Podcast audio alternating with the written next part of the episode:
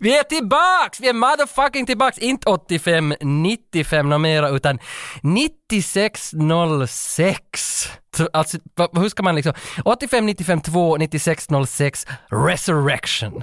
Det är liksom titeln. Det är titeln som det här bär. Och det har nog kliat. Det har nog kliat liksom i både fingrar och stjärt att äntligen få komma igång igen. För att nu, vi var ju, alltså vi höll ju på i, vad kan man säga, alltså 150 till 200 avsnitt med 85-95 med mig då, Coma Cop, Tage Rönnqvist och Jocke Levelambi, Lieutenant Kowalski. Men Jocke Levelambi lämnar skeppet. 85-95 har ju alltid varit en båt som har varit långt ut på djupt vatten. Det har alltid varit massa hål i båten och Jocke förstod att jag sticker nu före hela skeppet sjunker. Så här, här är jag nu då i ett sjunkande skepp och har letat efter vem vill försöka ro, ro i land eller ännu längre ut på havet. Och där hittade jag honom. Där hittade jag honom. Introduce yourself, motherfucker! Under första stenen du hittar så dök jag upp. Det är inte som i ett rockband när man har finkammat jorden. Äh, Joel Brink heter jag och det är ett enormt ansvar jag har på mina axlar. Och jag går ut med det här. Jag är True Detective säsong två. Säsongen som ingen har sett, säsongen som ingen ville ha, men den blev inspelad. Så är det bara. Varför gör jag det här? Jag har just avslutat ett treårigt projekt som heter Maiden-podden om Iron Maiden. Så varför chillar jag inte bara och tar det lugnt och lyssnar på andra bra poddar? Jo, en endaste anledning gör jag det här för. Jag vill ha en Wikipedia-sida snart. Precis. Men jag ska la en åt dig. Äh, men skämt åsido, det här är ju ändå en, en ganska allvarsam podd, så tänker jag. Så ska jag lite ba- bakgrund om mig själv då. Jag var inne på det här med Maiden. Så Maiden, fantast naturligtvis. Jag är en Sopranos-fantast, bosatt i Stockholm. Uh, lite på fake så gillar jag också Oscarsfilmer, men uh, skräpkultur går före alla dagar i veckan. De två sämsta filmerna on top of my head som jag kommer på, Monk och Lincoln. Bästa på top of my head, T2, Snatch and The Rock. Eh, jag har också en hyfsad specialkunskap om James Bond. Jag är tvilling som stjärntecken. Och eh, mitt första filmminne med dig Tage, så var när din bror gjorde pengar på att kopiera hyrfilmer, såna gamla VHS till en tom VHS-kassett. Den första filmen jag då köpte av er två var Sudden Death med Muscles from Brussels, nämligen Jean-Claude Van Damme. Vad betalar du för den här filmen? Vad betalar du för filmen? Jag tror fan det bara var den där köpekassetten som jag gick till R-kiosken och köpa, en sån VHS. Max Ja, ja, ja, okej. kanske det faktiskt var till märket då. Är det lite billigare? Nå, det var lite billigare, men jag, jag hade ju inte en sån här LP som du hade som kunde liksom banda dubbla filmer på en, på en kort... Eh, Oj, oj, vi har gått igenom så- många gånger det här med LP och SLP, alltså slow long play tror jag det heter det där SLP, eller hette ELP extra long play, jag minns inte. Men man, man fick alltså, en tre timmars kassett blev alltså nio, nej ännu mer, tolv timmar tror jag. LP blev väl dubbla längre och SLP trippla längre.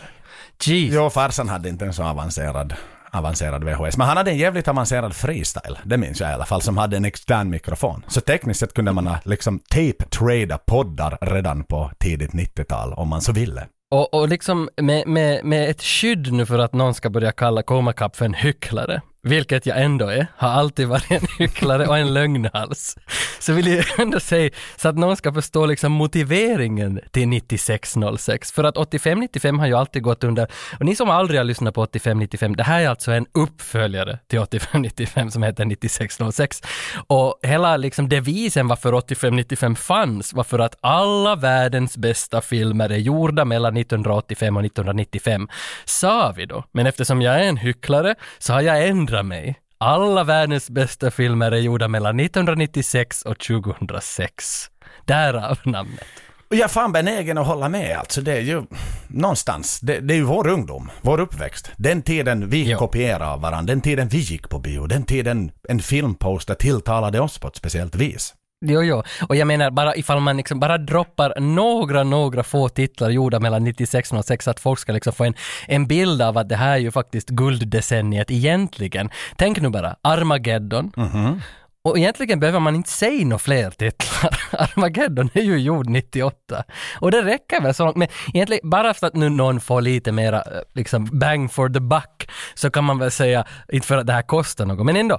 The Rock 96, Star Wars, Attack of the Clones, sista avsnittet av Rederiet dök ju upp där. Och sen har vi ju Snakes on a Plane, Starship Troopers, Air Force One, Daylight, End of Days och Independence Day. Mycket days. Mycket days of the days. Men du tog typ alla filmer som jag är minst taggad på. Men eh, det är ändå nice. Det är ändå nice. Är du inte taggad på sista avsnittet av Rederiet? Det är jag och jag är super... För det kom väl under den här tiden. Jo, jo, Faktiskt. jo, Det var jo. då det kom. För ja, det kanske man kan hålla sig till vissa sådana här avstickare. Ni har ju ändå gjort lite eh, MacGyver back in the days. Men, Jo, jo, men jo, den jo. stora filmen som jag bär med mig, jag var inne på det redan i min, min korta introduktion, det är ju Snatch. Det är ju liksom eh, Guy Ritchie när han, när han är som bäst. Han, Mm. är, han är i sin prime. Han är tidigt ute. Han är han är Englands Quentin. Ja, nej, alltså, Snatch är ju en film som definitivt kommer att behandlas i den här podden. Det kommer vi inte ifrån. Den är väl från 2001 eller sa du det kanske redan. Men, men eh, som, jag vet inte, du sa säkert att du sitter i Stockholm redan. Det kanske vi borde nämna en gång till. Att nu sitter vi i två olika länder så vi jobbar på bred front nu. I hela Norden är vi liksom synliga nu. Men jag tror att väldigt många, eftersom jag, jag är ju ganska känd och som. Coma är så, så jag tror må- många undrar ju att vad ska Joel Brink ta för epitet när han liksom går under det här 9606-grejen? Alltså, har, har du, jag har några förslag, men har du något eget förslag? Eller ska vi bara låta det komma under de här första avsnitten? Jag har ett förslag. Nu är det ju, ska det ju godkännas hos nämnden. Och nämnden av dig, Tage Rönnqvist. Men jag, tänk, Och lyssnarna. jag tänker mig en stark militär personlighet. Colonel Mike Foxtrot. ja, ja. Lite, nu, är- jag ganska 90-talskling nu, för jag funderar just att du måste ju ha ganska sådär efter 96, för du kan, du kan inte, Coma Cop är ju lite fel, för inte heter någon efter 96 Coma Cop mera. Då heter det liksom John och sen det vanliga liksom. Men, men eh, kanske Mike Foxtrot är ganska bra. Ja, alltså jag har några Filmen normaliserades ju mer under 90-talet. Liksom man började plocka bort specialeffekter och överdriften fanns ju inte där mera. Jag menar, det känner vi ju Nej, till med. Michael Bay som är så saklig i sina produktioner och så vidare. Precis, så, så ditt namn borde vara lite mera down to earth och Mike Foxtrot är ju ganska... Det är ganska sterilt. Det är liksom ett, ett, ett kodord för, för, ja, det får ni räkna ut vad, vad det står för. Dessutom, och, och ifall man ser på våran promotional bild för hela den här podden så är du väldigt, ja du är väldigt militärt klädd kan man ju ändå säga, så det passar ju liksom också den, den grejen. Jag gjorde ju väl ifrån mig. Jag spenderade ju sex månader och blev ju ändå uppgraderad från rekryt till jägare under den tiden. Så att jag tycker att jag förtjänar en sån här Ja. förtjänstmedalj av presidenten en vacker dag. Ja, och vi känner ju varandra egentligen Alltså sen länge, long gone. Alltså vi har, vi, du, du är säkert en av mina äldsta bekantskaper. Vi, vi kan ju som i korthet bara, vi har gått samma lågstadie, högstadie, gym- gymnasiet så, så gick du vidare till en annan gymnasie. Till en mera bilintresserad skola. Ja, men precis. Men det som jag ändå liksom, vi, vi två tillsammans har startat ett filmbolag som hette, eller heter fortfarande, för vi har ju aldrig, vi är som Jari Littmanen, vi drog ju aldrig ur proppen. Vi heter Deadline Visual Arts. Ett fantastiskt produktionsbolag som har producerat väldigt många actionfilmer med lågbudgets actionfilmer som inte har sitt dagens ljus på YouTube och sådär. Vi har dem själva i våra arkiv. Och jag tror ju att längs med den här poddens gång så kanske vi kan få höra lite audio snippets från våra gamla actionfilmer. Definitivt, och vi har varit på en resa i filmens tecken för många, många år sedan till New York City också där vi har sett filminspelningar, vi har gått back-to-back biovisningar och egentligen bara gått i alla filmspår som vi då kunde i New York liksom. Jo, jo, jo, vi gjorde den här resan 2004 tillsammans till New York. Det var min första utlandsresa och den gjorde jag med dig. Och, och det är ju också i våra tidsspann mellan 96 och 06, det var då vi var och såg filmer i New York. Vi gick ju på bio hur mycket som helst under de där två veckorna i New York. Och så såg vi filminspelningar bland annat uh, The Forgotten med Julianne Moore, The Stepford Wives med Nicole Kidman och så var det någon till vi ännu så som vi bara liksom råkade stumble upon. Och, och det liksom slår mig än idag, det här, det är ju, det är spännande. Vi har levt det som vi snackar om nu. Vi har sett till och med inspelningarna av de här filmerna.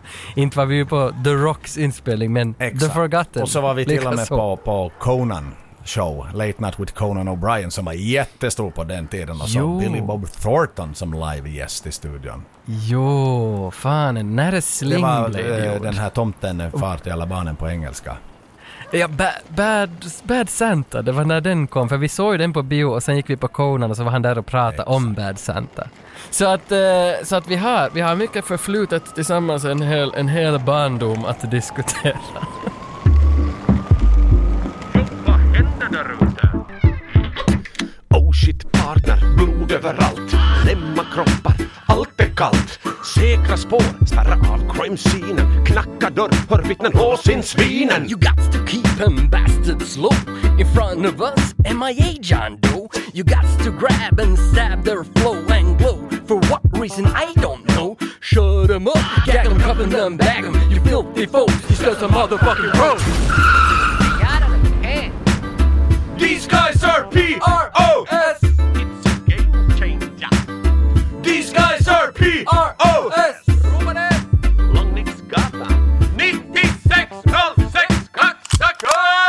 Jag är helt tusen på att flera av 85-95s liksom miner och, och öron är väldigt sådär ledsna. Nåjo, varför ska ni byta? Njo, liksom så här sura. Men vet du, by, så lyssna på något annat då satan.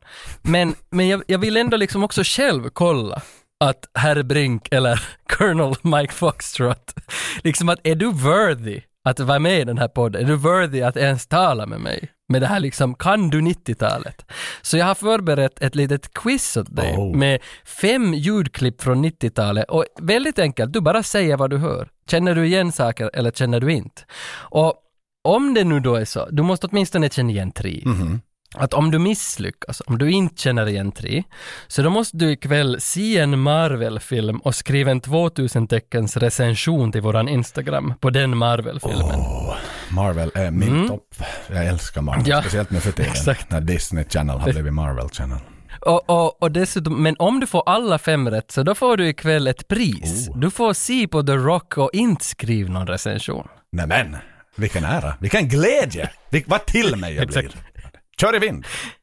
Kör i vind. Okej, men då börjar vi med ljudklipp nummer ett och som sagt, väldigt enkla regler. Du, du lyssnar en stund och sen så säger du åt mig vad du hörde. Och så säger jag om det var rätt eller fel. Det är nog svårare än så. Mhm. Okej, är du redo?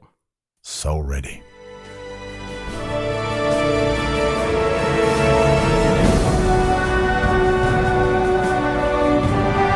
Hepp, hepp! Armageddon, Armageddon, Armageddon. Måste vara. Ja, jag hörde att du vrålade där Armageddon. Armageddon, Armageddon, Armageddon.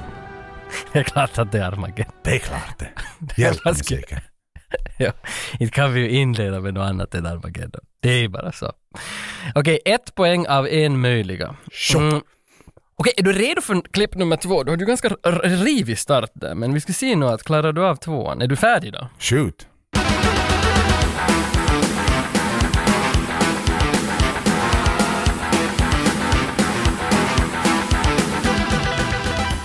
Alltså vittu, jag älskar midi-metal. Det är fan jävligt bra musik. Och speciellt midi-metal från datorspel. Från, från eh, Doom. Kul.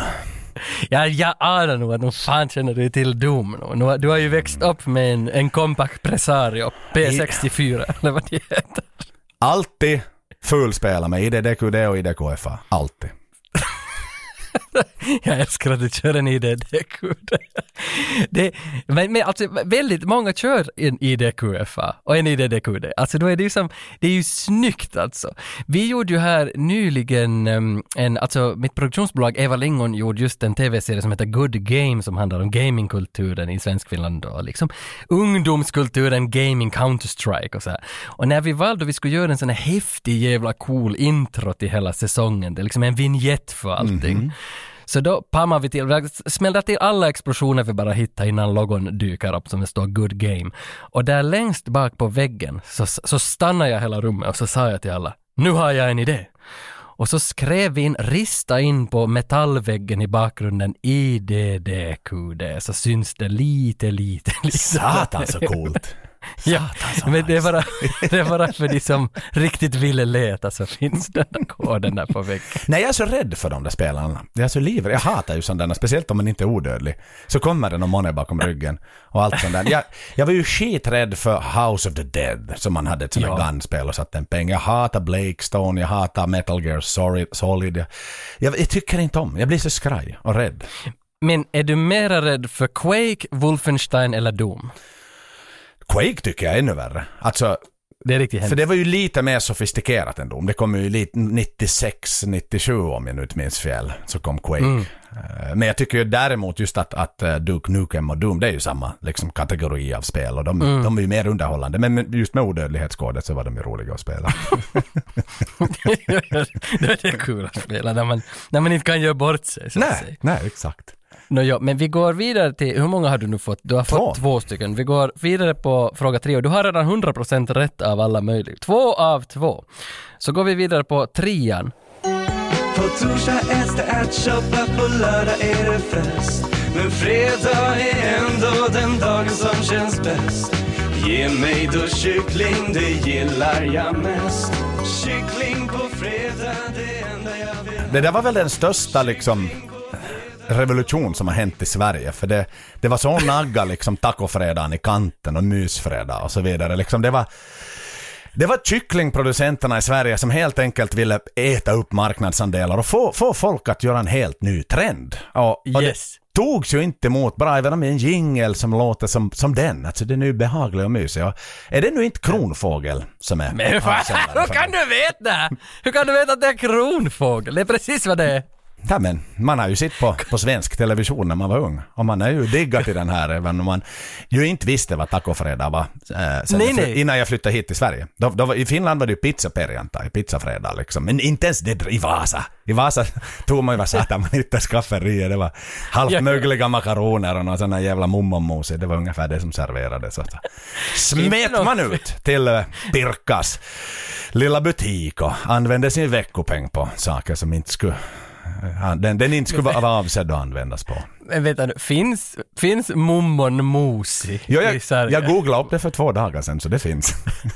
Men vad- Med samma tant på bilden ännu. Den där fejkade tanten som såg ut som hon skulle vara plastikopererad. Men vänta, vad, vad heter, heter det mormorsmos där då? Nej, nej, nej, jag pratar om Finland ja. Jag googlade på mommomos, men det är klart det finns, Felix har väl pulvermos och skit. Så det finns ju pulvermos liksom. Exakt. Men nu är jag nog imponerad. Där får du ett plus för att du kände till att det var Kronfågels reklam från 2000 tror jag det var. Från det där. När man strax hade gått ut nian och skulle börja gymnasiet så smättar man igång TV4 och varenda jävla reklampaus så rullar kyckling på fredag. Det är lite sjukt egentligen. Det är som att Österbottens kött idag skulle göra någon sån här, jag vet inte liksom. Köttbullen på fredag, köttsåsen på fredag. Det vill jag Ja, ju ha. Köttsåsen är satans bra idag. För nu, nu är det ju väldigt morbid reklam. Det handlar ju om att avliva liksom boskap. Ja exakt, du, vet, du, du ska liksom sätta, ja, du. Det, det är allt vad det handlar om. Ät mera sånt. Exakt, exakt, exakt. Okej, men nu, nu har du ju redan tre rätt så du kommer inte att måste se någon Marvel-film ikväll utan, Tack för den. utan, utan nu kör vi de här två sista bara for show då. Är du redo för klipp nummer fyra? And who is that good looking brother on screen? Nathan Jones, aka Diamond Dog, former general of the Black Guerrillas. He blew up a meeting of the National Rifle Association saying, and I quote, they represented the basest negativity of the white race. He wrote a book in prison called Reflections in a Diamond Eye. New York Times called it a wake up call for the black community. They're talking to Denzel for the movie. Det är han den här eh, snygga killen från Pulp Fiction och från Mission Impossible. Jag tror att han heter Wing Rames. Om det är ett artistnamn så, så vågar jag inte gift på. Men jag gissar nästan det och, och filmen naturligtvis handlar ju om den här mannen som, som åker flygplan tillsammans med andra trevliga resenärer och, och har köpt en liten kanin åt hans dotter. Sen tar de en liten detour till Las Vegas och så stannar han där och kryper ut ur planet. Och så blir det en fartfylld liten scen där på slutet. Men naturligtvis är det Conair. Vad bra, du packar ihop filmen också. Borde vi inte göra... Då behöver vi inte göra för- den filmen. Nej, för, precis.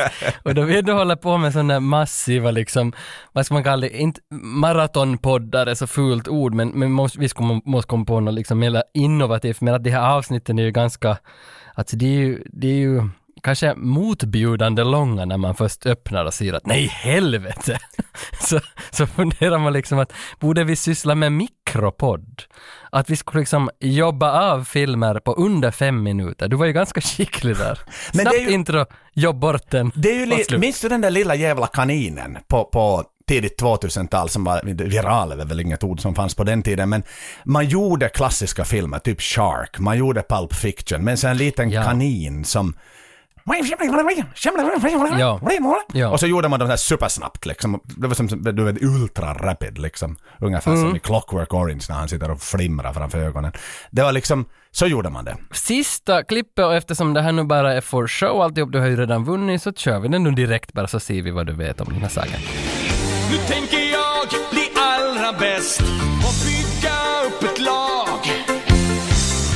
Jag ska söka och fånga flest och träna dem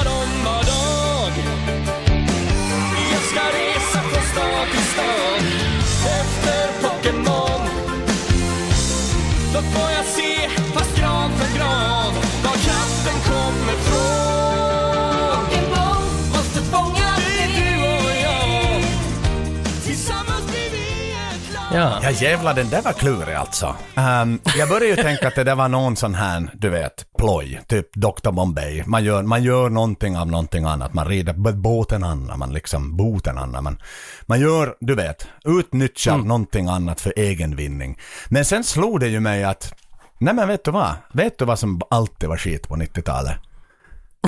ja. Och det var lika skit på finska. Översatta signaturlåtar till, och det här måste ju vara till Pokémon då.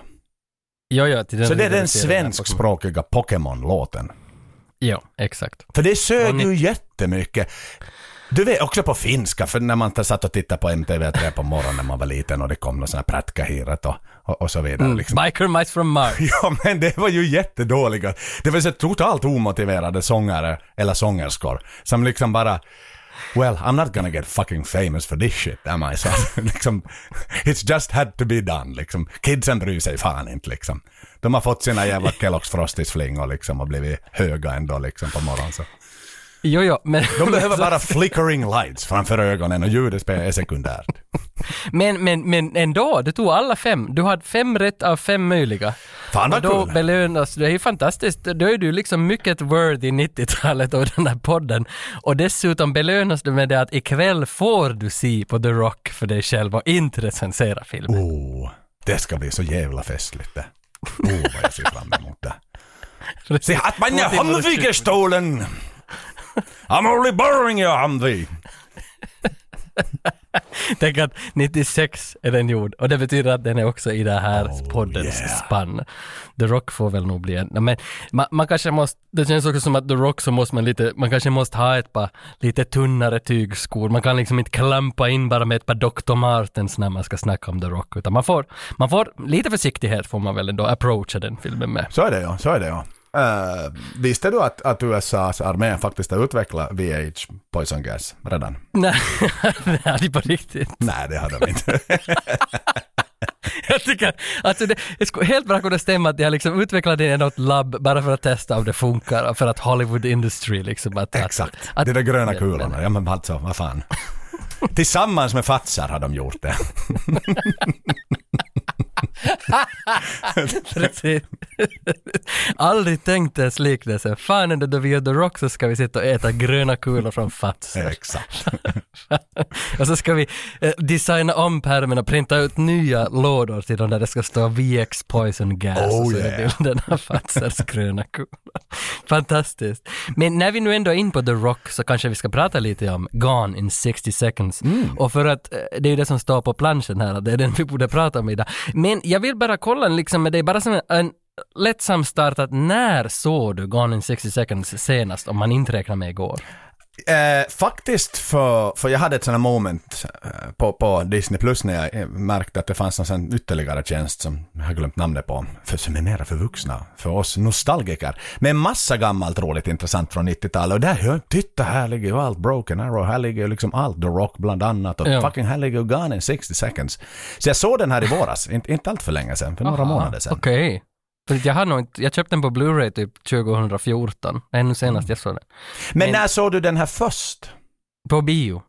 Du såg den på bio? Ja, och jag tror ju att det är det som liksom den här poddens liksom trumfkort också, att de flesta filmer som vi snackar om så kommer vi att kanske ha sett på bio till och med. Alltså det ligger i ryggmärgen på ett helt annat sätt än de som är från liksom å- 86, där man just knappt blev född. Så nu har vi på riktigt sett de här filmerna på bio och man kanske minns till och med vem man har varit och sett den med och hur det luktar där på bion och var man satt och sådär. Så det, För, var, för mig var det här definitivt en DVD, straight to DVD, för att jag gick ju en sån här skola, vi hade en plansch i skolan i vårt, vårt lunchrum, eller vad vi nu ska kalla det, slackrum Mm. kallade vi det på den tiden. Det, det fanns någon sån där billig kaffemaskin och tror det en kockismaskin. Och så satt man där och luktade skit som man gjorde på, på gymnasiet och, och snusa och sådär. Och, och, och där hängde en plansch av Gone in 60 seconds, för att det var ett lite mer proletärt gymnasium jag gick på. Det var, det var motorer och, och snöskotrar och sånt här var väldigt populärt. Du gick ju på ett lite mer borgerligt gymnasium där det var... Men det var lite mera... Det var lite mera Phantom of the Opera-planscher på era väggar om vi säger så. Och liksom Jo, jo, Gone with jo, the Wind och sådär. Vi gjorde en narr på Gone with the Winds titel och kallade den för något Come with the Wind, men ni visste inte ens vad det var för film. Nej, vi visste inte vad det var för film den liksom. Exakt. De hyrde, va, va, ville inte hyra ut den åt oss på Makon i den filmen. Ni sa, äh, ni får ta Gun in 60 seconds. Så att jag såg väl den i samband med det då, att jag hade sett den där planschen så mycket. För jag är ju, jag är fan ingen petrolhead. Det ska jag säga, jag spenderar tio år i bilbranschen. Kan jag liksom eh, anamma över och jag ska till och med säga att jag har Jag har fan inte kört någon av de här bilarna i filmen, men eh, jag har sett dem på gatan. I alla fall. I filmen har jag sett dem. På bilder, jag sitter dem på internet. ja, ja. ja men fan, alltså tillbaka, backa bandet. Du har ju faktiskt spenderat tio år av ditt yrkesliv i bilbranschen och sålt, Mhm. sålt eller inte sålt bilar utan du har reklamfört, tänkt ut strategier för reklamfört reklam. och- Just det. Suttit på fucking hotlaps på, på eh, Knutstorps ring och allt fan vad det heter här i Sverige liksom. Och jag har aldrig varit nere på Nornborg som, som liksom var drömmen för en Vasabo att, att köpa en, en, en bil från mobile.de som var en sån här saluplats på den tiden där man Ja. köpte sin, sin i3 BMW, och, eller M, M, M3 förlåt, och, och brände ner. Men, men, men ja, jag har faktiskt Men jag har suttit i förarsätet på snabba bilar. äh, känner du någon av de här som var med och gjorde Getaway in Stockholm-DVDerna? Uh, det ska vi säga, jag är nog bara en handskakning ifrån dem. På riktigt? Han har lite, lite kontakter till sådana också. Det, om, det, om det Finns, behövs. finns Getaway in Stockholm-kollegiet kvar? Nej, det tror jag inte. De var ju extremt populära på den tiden. Nej, vi, igen, i, i det här proletärgymnasiet, det var ju det enda vi satt och tittade på, vad det jävla getaway. Ja, Se var, nu hur hårt de kör! ja, se, och så var det ju fultankade från, från Kassa, eller Napster var ju för sent på den tiden. Men ja, ja. LimeWire. LimeWire, det var innan YouTube det. Innan det liksom blev sånt där, kom upp dit. Man fick anstränga sig lite, faktiskt. Jo, jo, jo. Och vi hade en gammal dator på tal om musiken du spelade tidigare med Doom i vårt klassrum. Eh, men den hade så liten hårdskiva så man kunde inte ladda ner mp3 or Så vi laddade in en midi-filer och, liksom hade det som sån här du, musik som vi lyssnade på helt enkelt. Så vi, Midi-filer. ja, Vad av, nice. av, av populär musik. Så typ eh, lyssna på Guns N' ja, Guns N' Roses och lite Green Day liksom. Welcome to Paradise. Bara tänk bara en enkel midi som låter. Jo, jo, jo. Kunde ni rulla de här midi-filerna samtidigt som ni hade igång en karta 97? Nej, det var för mycket. Winamp, Winamp åt för mycket av det. Exakt. Winamp, it really whips the llamas ass. Oh yeah, ja, wow! Ja, det var ju det där satans pre-audion alltid. ja, ja, ja. Va, va, var kommer det där ifrån? Ja, Vadå? det vet jag inte. Jag vet jag inte, men jag minns att jag, jag, jag fick loss någonstans ifrån de här Winamp skins. Ett sånt här stort paket med 500 olika skins. Det är sant det ja. Man kunde ju ha såna riktigt datsa-grejer, att det var såna riktigt liksom neonfärger som bara Oh, yeah. flimma där och grejer. Att det var Jo, jo, jo, jo, jo. Alltså det är nästan som att ha en sån här snabb bil på Ollis parkeringen som var en sån här parkering Ja. där landsortsfolket till Vasa kom och hade såna ljus, alltså LED-stripes under bilen egentligen. Så att det skulle se ut som att den flöt på. Hur lång är motorvägen i Vasa? Två kilometer ungefär? Jo, jo, jo, jo så Så det ser ut som den flyr. Man, han just och just få upp bilen till 100 innan man måste bromsa igen. Jo, jo, men oj vad det gick hårt när det gick hundra. Oj, Man- oj. Men det, det var, Bara swoocha. jag, jag har faktiskt suttit i, det var en kille som hette Marcus och han bjöd in mig till sin Porsche, Porsche Boxster och att vi skulle vara på motorvägen till ABC utanför Vasa. Och så frös, fräs han i vet du 180 till ABC så var man fram på två sekunder. Och Det var ju nog så mäktigt att sitta i en Porsche Boxster. Sen fick jag höra senare att det var inte hans, han hade lånat det, men han lät mig tro att det var hans. För on that note, det där var ju en grej som man också gjorde mycket när man var just 18 år och så där. Och, och man gick till, till de här bilhandlarna då som sålde lite mer exklusiva bilar, BMW, Audi och så vidare. De som hade lite mera kräm under huven helt enkelt. Mm. Och så sa man ju alltid det att äh, min pappa har sagt att jag ska gå och köra den, för han hinner inte, han är på jobbet. Liksom prova den åt honom. Exakt. för att ge värstingbilen åt dem. Jag tror fan inte att det fanns en enda jävel som lyckades med det där. Nej, nej. Och jag hörde också, folk får först med sin, sin Nissan Sunny, så får de till Volvo-butiken och provkörde en Volvo V90. Och så får de med V90 till Porsche-butiken. Ah, fan vad det, wow! ja. Men jag har aldrig hört om någon som har gjort det, jag hörde bara att det var ett knep man kunde göra. Vilken dedication! Jo, att man ska få prova fräsa till med en V12. Men tänk liksom de där stegen om du börjar med en gammal Datsun liksom. Hur jävla med hela dagen liksom bara går åt och sen har du glömt alla nycklar, men vad fan ställde jag den där bilen som skulle dit och den skulle dit och den... Ännu värre sen när du ska lämna liksom. tillbaka alla bilarna. Då du har en Ja. halv arbetsdag att köra tillbaka. Äh, vi sa 20 minuter! Vittu! Jag har tre kunder som står här och trampar. Bara min Volvo. Exakt ja. Han står och parkerar vid Sportscar Center i Kauhajoki. Exakt. Vittu, man blev stul. Ja, Stod utanför kartingcenter satan. precis. Precis. Yes, Ah, hör du. Det är en film vi ska prata om. inte om, inte om. Det är inte någon jävla nostalgipodd, eller visst är det väl det, men det, Ja, är väl det enda, det är väl det enda vi det- kan. det enda vi kan prata om vad vi har varit med om. Och nu ska vi göra ett helt avsnitt med mera sånt. Men jag tänkte att vi kan ju liksom mjukstarta, att jag har en liten berättelse egentligen om Gone in 60 seconds, hur den kom till. Den är väldigt kort, men den är väldigt mångfacetterad. Så jag tänkte om jag börjar med den så får vi någon slags liksom ben på, på, på, på kroppen liksom, så att det ändå kan stå, så att vi fattar någonting, om vi förstår något efter det här. Men Gone in 60 seconds, den som vi ska snacka om, är alltså från året 2000, det är liksom krabbans år. Och det var Jerry Bruckheimer, den fantastiska, han behöver nog ingen närmare introduktion i det här sällskapet. Det var han som producerade filmen i regi av Dominic Zena, eller Sena. Snabb fråga, hade Don Simpson redan dött vid det laget? Uh, slutet av The Rock 96 så står det In Loving Memory of Don Simpson. Om jag Yes. inte missminner mig. Jag tror han dog 96. Tack för Uh, det. dödsorsak oklar. Mhm. Men, men hela liksom, för att nu när jag började forska i Gone in 60 seconds så satt jag nog häpen liksom många, många gånger och jag fattade ingenting för jag var inte så här påläst, aldrig någonsin att jag skulle ha vetat de här sakerna. Att här fanns så här mycket bakgrundsfakta om den här filmen, att varför den finns idag.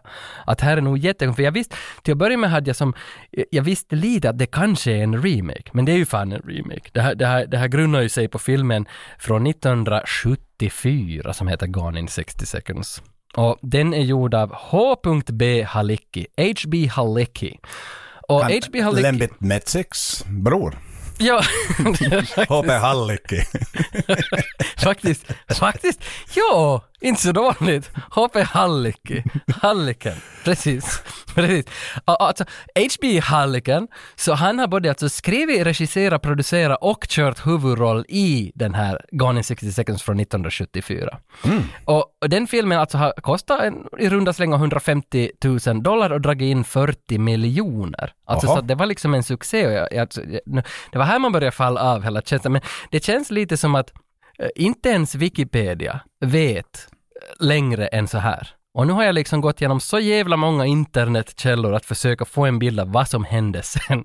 Och det är det jag ska försöka liksom bena ut åt dig. Och fyll gärna i om du råkar ha läst mer att det är saker du inte känner till, eller saker du känner till som verkar gå förbi här för mig.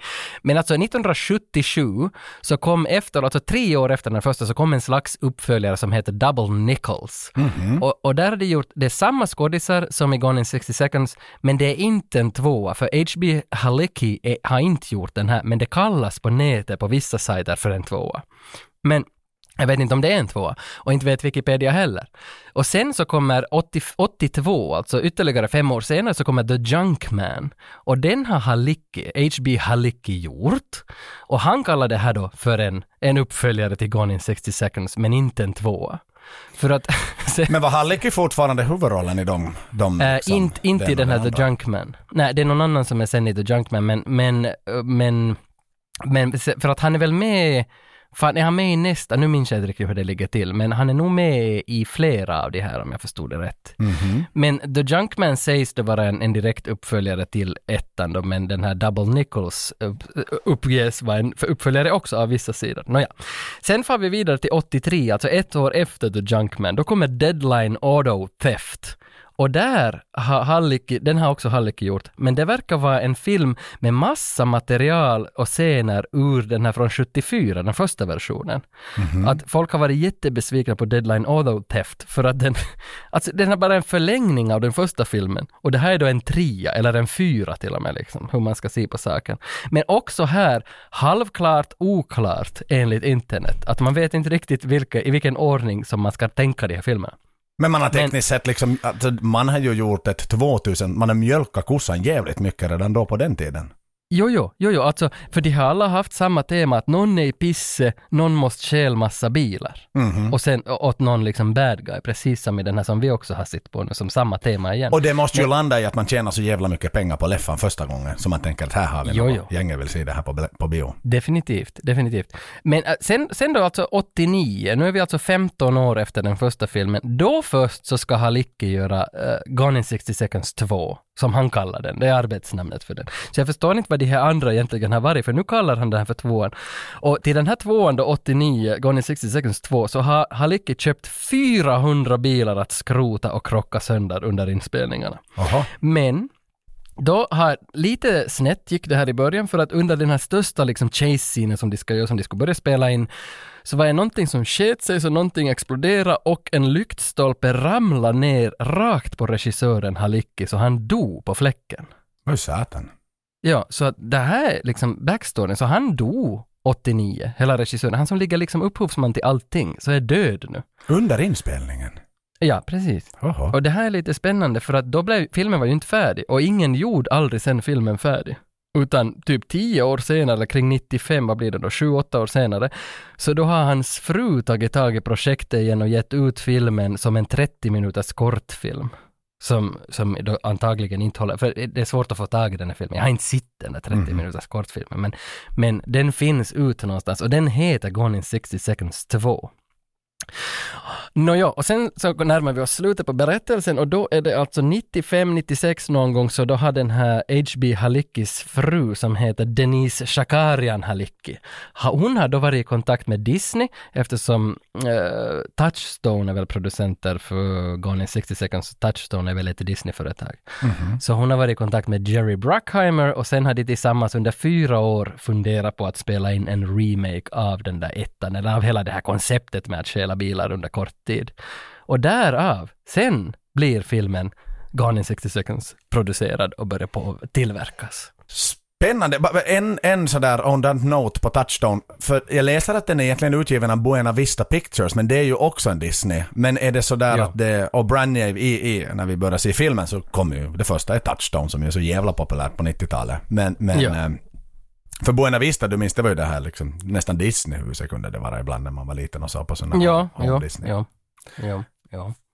Men, men det är nog alltså, Uh, därför att Disney Plus, om, jag är ju någon fan av streamingtjänster, men jag har alla. För att det känns inte som att man måste liksom ligga där. så att man ska ha koll på vad som ligger där ute. Men Disney Plus känns ändå, om jag måste lyfta upp någon, så Disney Plus kanske är den bästa. För där finns ju på riktigt alltså alla de som du nämnde tidigare redan också, där finns ju jättemycket, alltså allt från Broken Arrow till Bringing Ja, Out och the vet Dead, du en liksom. tanke som slog mig, som aldrig har slagit mig förrän just nu när du pratar på det här sättet. Mm. Disney Plus, för barnen såklart i första hand, det är liksom premium content for kids. Okej, men vem betalar för det? Föräldrarna som har barn i den åldern. Okej, vad vill de se? Hmm. Mm. Det är ju jävligt smart egentligen. För barnen slutar ju se på film vid åtta och TV1000 börjar ju sända först vid tolv. Så vad ska pappa göra mellan åtta, åtta och tolv? Då måste han se på Broken Arrow. Exakt, och han till och med hinner med två double features, för det var fan inte så jävla ofta på 90-talet man gjorde filmer över två timmar. Nej, så det, men, men Disney Plus, och nu har, eftersom Disney Plus nu, det där Corporation Disney har ju köpt upp alla bolag i världen utom Apple typ. Så att nu, nu har de ju snart alla filmer där de, man ser ju desperata försök av Netflix att sparka liv i sin tjänst igen, men det kommer inte att gå. Så är det ju. Ja, men jag har ju HBO bara av en enda anledning. Och, och den är jävligt dumdrist egentligen. Det är bara för att se på Sopranos. Men jag skulle ju liksom, De åren jag har haft det hade jag kunnat köpa vet du, en jävla billig Blu-ray-box med liksom Seasons 1 to, 1 to, to 6 A and B liksom. Så hade det varit det. Exakt. men, men det är bara det jag ser på, på HBO. Men du har väl dem också på Blu-ray, de där boxarna? Nej, jag har ingenting? faktiskt på DVD, men jag har ingen DVD-spelare. Så att... eh, Ja, ja. Så du måste betala 15 euro i månaden för att se på Sopranos. Men det är alltså god nog orsak alltså. Sopranos är ju ändå den, kanske den vackraste serie som tillverkas. Och då ser jag Någonsin. ändå väldigt sällan på de själva avsnitten på HBO, för jag ser bara på coola ihopklipp av fans som har gjort på YouTube. Så det är liksom fan-made content. Så det är det enda jag egentligen ser på. Men det är bra att ha just in case. Du har haft ett ganska skärande 2022 du nu med Paul Sorvin och Kastaväven och Ja. Ja, förstås. heter han med- eh, Ray Liotta som, som var med. Ray Liotta, den avskyvärda filmen, den faller som tur inte in på, på det här, eh, så vi behöver inte prata om, om, om Many Saints of Newark här, men nej, don't, nej, don't look for it. It's not there, så att säga. För det är så shit. Men vad heter han med, med silvervingarna? Ja, Paul. Paulie. Ja, Ja, för han gick väl också ut i den här ganska nyligen. rest in Och peace. Tony. Tony gick väl ut tiden för några år sedan också. Det började vara nästan ganska- tio år sedan eller till och med. Till och med. Ah, fan är det så länge sedan? Nej, inte riktigt. F- 14, 15 det är väl. Om inte jag minns fel. Ja, men nu ska vi inte reminessa om dem. Nej, nu har vi Nicolas Cage att gå igenom. Och han är i liv ännu, tack gode gud. Han är i liv. Han har varit länge i liv. 58 år. Aj, han är så ung ändå. Jo. Jo, just- alltså för att han har nog, alltså han har börjat först 83 eller 84 liksom. Han har ju, Han hela, är- han har ju hela livet framför sig Tage. exakt, exakt. En jävligt intetsägande kommentar. Det kan du säga till en 90-åring också, du har ju hela livet framför dig. Ja, ja, men det har de ju. Ja, De har ju fucking hela livet framför sig. en, en nonsenskommentar egentligen. Men vad nice. Eh, har du mer om Jag filmen? Ja, några korta, några kortisar här åt dig eh, som jag plockade upp från internet. Att eh, den här slutscenen där Nicolas Cage hoppar sin bil Eleanor eh, över alla de andra bilarna riktigt där på slutet. Så den är inspelad på Vincent Thomas Bridge. Och det här är alltså samma bro vad Tony Scott tog livet av sig 2012. Det var där han hoppade ner, just där. Och det fram, var det någon sjukdom han hade? Eller hade framkommit? Det har aldrig framkommit, men Ridley Scott, som då är Tony Scotts bror, har sagt att det är troligen för att han hade fått just ett besked om att han har en, en dödlig cancer. Mm. Och därför valde han att eh, avsluta sitt liv sådär istället. Då. Ja. Men, men han är från England och på tal om England, så Winnie Jones som är med i Gone in 60 seconds, mm, det visste jag inte att det här, Gone in 60 seconds, är Winnie Jones, alltså tredje film. Han gjorde Lockstock, Snatch och sen är det den här, Gone in 60 seconds. Mm. Så, så vi är riktigt i startgroparna av det här. För att sen vidare på England, så under eh, samma år, 2012, som Tony Scott hoppade från bron där, så har också ett gäng i England som, som kallades för Gone in 60 seconds gang har, har tjuvat 39 bilar på en kväll. Oho. Som någon tribute till filmen eller? ja, exakt. What the fuck? Då gillar man nog filmer alltså. jo, visst jag har liksom gått och vad fan, klinka på ett piano när jag sitter piano. Jag har, jag vet inte. gått då, nej jag har inte gått till en grisfarm efter att jag sitter på Snatch, det har jag inte så långt inte gått. Men, They go through bones like butter! are they Lancashire pigs? Who the fuck's talking you boy? Men herregud alltså. Wow. Men- Och, men de åkte fast? Eh, De åkte fast jo, hela, hela gänget. Men det där, alltså, sen, sen alltså enligt Disney... You were so worth it. Ja, det, det var det nog. Enligt Disney då som är producent för hela den här saken egentligen, så enligt deras bokslut från 2000 så har alltså Gone in 60 seconds gått på minus. Alltså filmen har gått på minus. Även om den har kostat 90 miljoner, dragit in 200 miljoner, det är en ganska stor film ändå, stor satsning, så har den gått på minus på grund av marknadsföringskostnader och diverse andra kostnader som inte liksom ingår i budgeten på det sättet för inspelningsbudgeten, produktionsbudgeten. Så ganska spännande att det här blev alltså, Gone in 60 seconds är en bomb. Det är en liksom film som har floppat ekonomiskt. Och det är lite spännande. Ja, faktiskt. Och, och där, ja, men vad fan, för jag hittar några siffror att den kostar mellan 90 och 103. Det kan ju vara att det exkluderar marketing costs. Det vet jag inte, om det bara var production cost. Men Det gör det. för det som du var inne på, den drog in 237 millar. Och, och när den då hade gått färdigt på biograferna så var det totalt 101 miljoner i, i USA och, och 135 miljoner internationellt. Alltså då överallt annat i världen. Och det där är ju fan alltså spännande, bara för att dra en snabb parallell till min gamla podd om Maiden. Vilket alltid hävdar att, eh, eller amerikanska marknaden var den absolut viktigaste för ett band att slå. Det är ju liksom det man ska break it big in, in the West. Men här också att liksom man drog inte mer än 135 millar i alla andra jävla länder i världen och 101 i USA. Att det, tänk hur- Alltså säg att den floppar i USA men slår här så är det fortfarande inga, alltså, jävla lite pengar du tjänar. Ja, alltså för det där är nog spännande för jag har ju ändå varit, om jag inte missminner mig så såg jag den här på bio två gånger och då kostade det 40 mark, så jag har ändå gett 80 mark till det här. Översatte Och- det, översatte det, översatte det då tidens växelkurser. typ Så 11 jag skulle säga ungefär 18 och 73 dollar om jag snabbt översätter liksom i valutaförändringar och sådär. Så, men, men jo, jag kollade på många, många Hollywoodfilmer att eh, liksom budget, eller intäkterna från hela världen är ofta liksom bara en tiondel av vad de får i Amerika in. Och det är nog spännande för att jag såg att den här Gone in 60 seconds gick samtidigt upp då den hade premiär så gick den upp på 3010 skärmar. Och hur många bioskärmar finns i Stockholm? Alltså, säg nu att där finns tiden. 200. Men då för tiden fanns det väl inte så många säkert. Nej, nej men 3000 skärmar, alltså det är en ganska jävla satsning liksom hur det ska upp. Och så ska Men varje du tänker ställe 50 liksom states liksom, vad fan. Det är klart en, en state är stor och sådär. Jo, jo. Jo, jo, men då ska du ha i alla Vasabladet, över hela landet ska du ha marknadsföring och alla gator i alla städer ska ha planscher, alla ska ha TV-kanaler, allting. Det måste ju kosta liksom mera än filmen att göra marknadsföring för en stor film om du ska på riktigt ha den ut överallt. Nå men det är klart det. Det är faktiskt klart det. För det är ju faktiskt liksom trailrar på TVn. Jag vet inte fan, jag ser ju Ja. inte på linjär TV mer. Jag har inte gjort det på många, många, många år. Jag har inte sett en TV-reklam på, på liksom gammel-TV. Men kommer det trailerreklam nu för tiden för någon ny hypad film?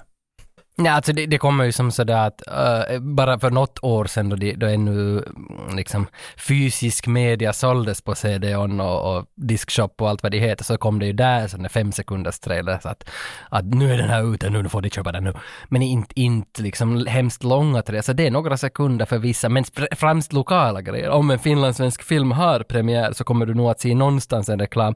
Men det är ju oftast i streamingvärlden, att när du klickar igång senaste avsnittet av Rennie Harlins såpopera med sin fru, så då kanske därför det kommer en fem sekunders snutt då av livet efter döden av Klaus Herre och sen är slut efter fem sekunder då alla trycker på hoppa över annonsen knapp. Såklart, och alla YouTube-previews och så vidare som ju har att göra Mm. med. För det går ju så att targeta det på ett helt annat sätt än vad det gick att göra på den här tiden. Då hade du Vasabladet och sen hade du New York Times. Och sen hade du CNN och sen tog det slut. Men ändå, då var ju som ändå 100% target träffa alltid rätt för alla såg på samma skärm. Det fanns inga andra skärmar. Nej, Man nej, såg nej. Bara, om du hade någonting, jo, jo, om du hade någonting innan rederiet liksom. Nej, det kunde du inte ha, det var public service. Men Ja. då skulle ju hela Österbotten ha känt till saken direkt liksom. Exakt, exakt. Tänk vad SVT hade kunnat tjäna pengar och göra riktigt bra produktioner om de hade velat. De hade fan kunnat hyra in Nicolas Cage ännu liksom på, på 2005-tiden om de hade sålt sig. Nej men okej, eh, Nicolas Cage, vi behöver ändå lite nämna för att i 85-95s uh, eh, livslängd under alla sex år vi höll på så gjorde vi aldrig någonting med Nicolas Cage så vi har aldrig gjort ett infopaket om honom. Vem är han?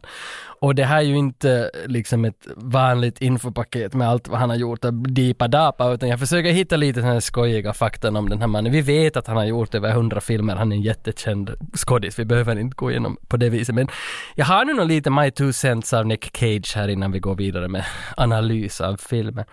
Det där Eh, han är ju ett face, många har ju sagt att han har alltid det där Nicolas Cage-facet i hela sin karriär. Under alla 40 år så har han alltid kört med det där samma facet som han alltid har. Hans Nicolas Cage-min. Han har väl bara en min och han har den där samma i alla filmer.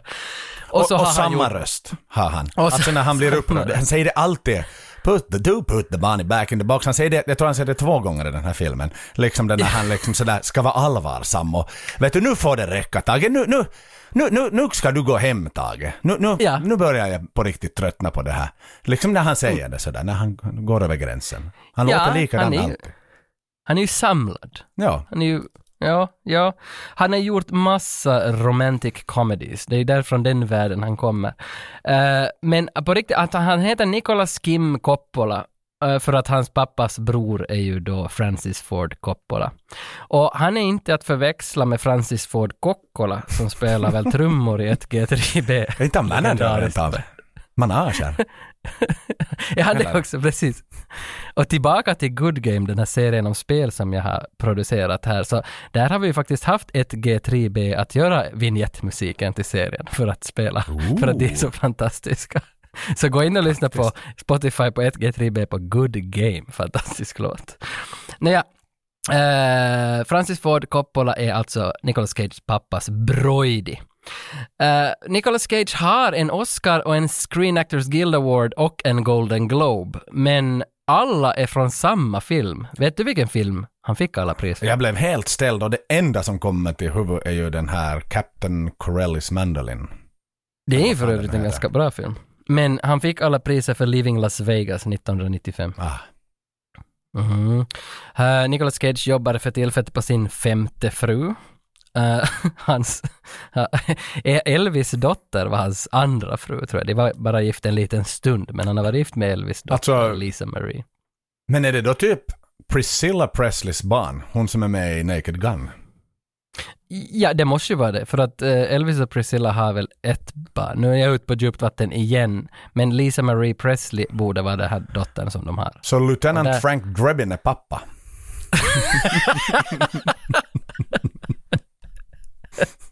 Is that a stuffed pussy you have? Nu minns jag inte, jag kan inte. Wow, nice beaver! Thanks, I just had it stuffed. Så är det. Exakt, du kunde den. Jag, jag är ingen citerare.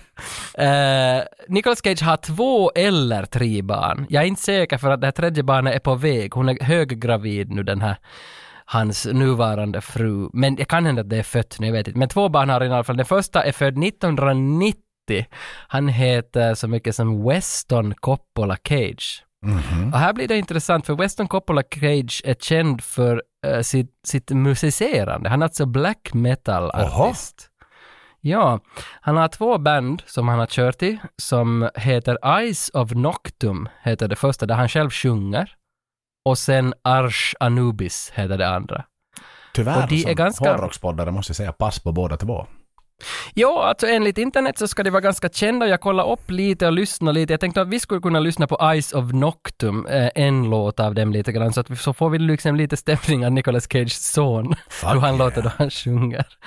Så jag spelar upp en liten snutt av eh, Eyes of Noctum och deras låt som jag inte minns vad den heter, God's Second Hand eller något liknande. Och det är Weston Coppola Cage som sjunger här.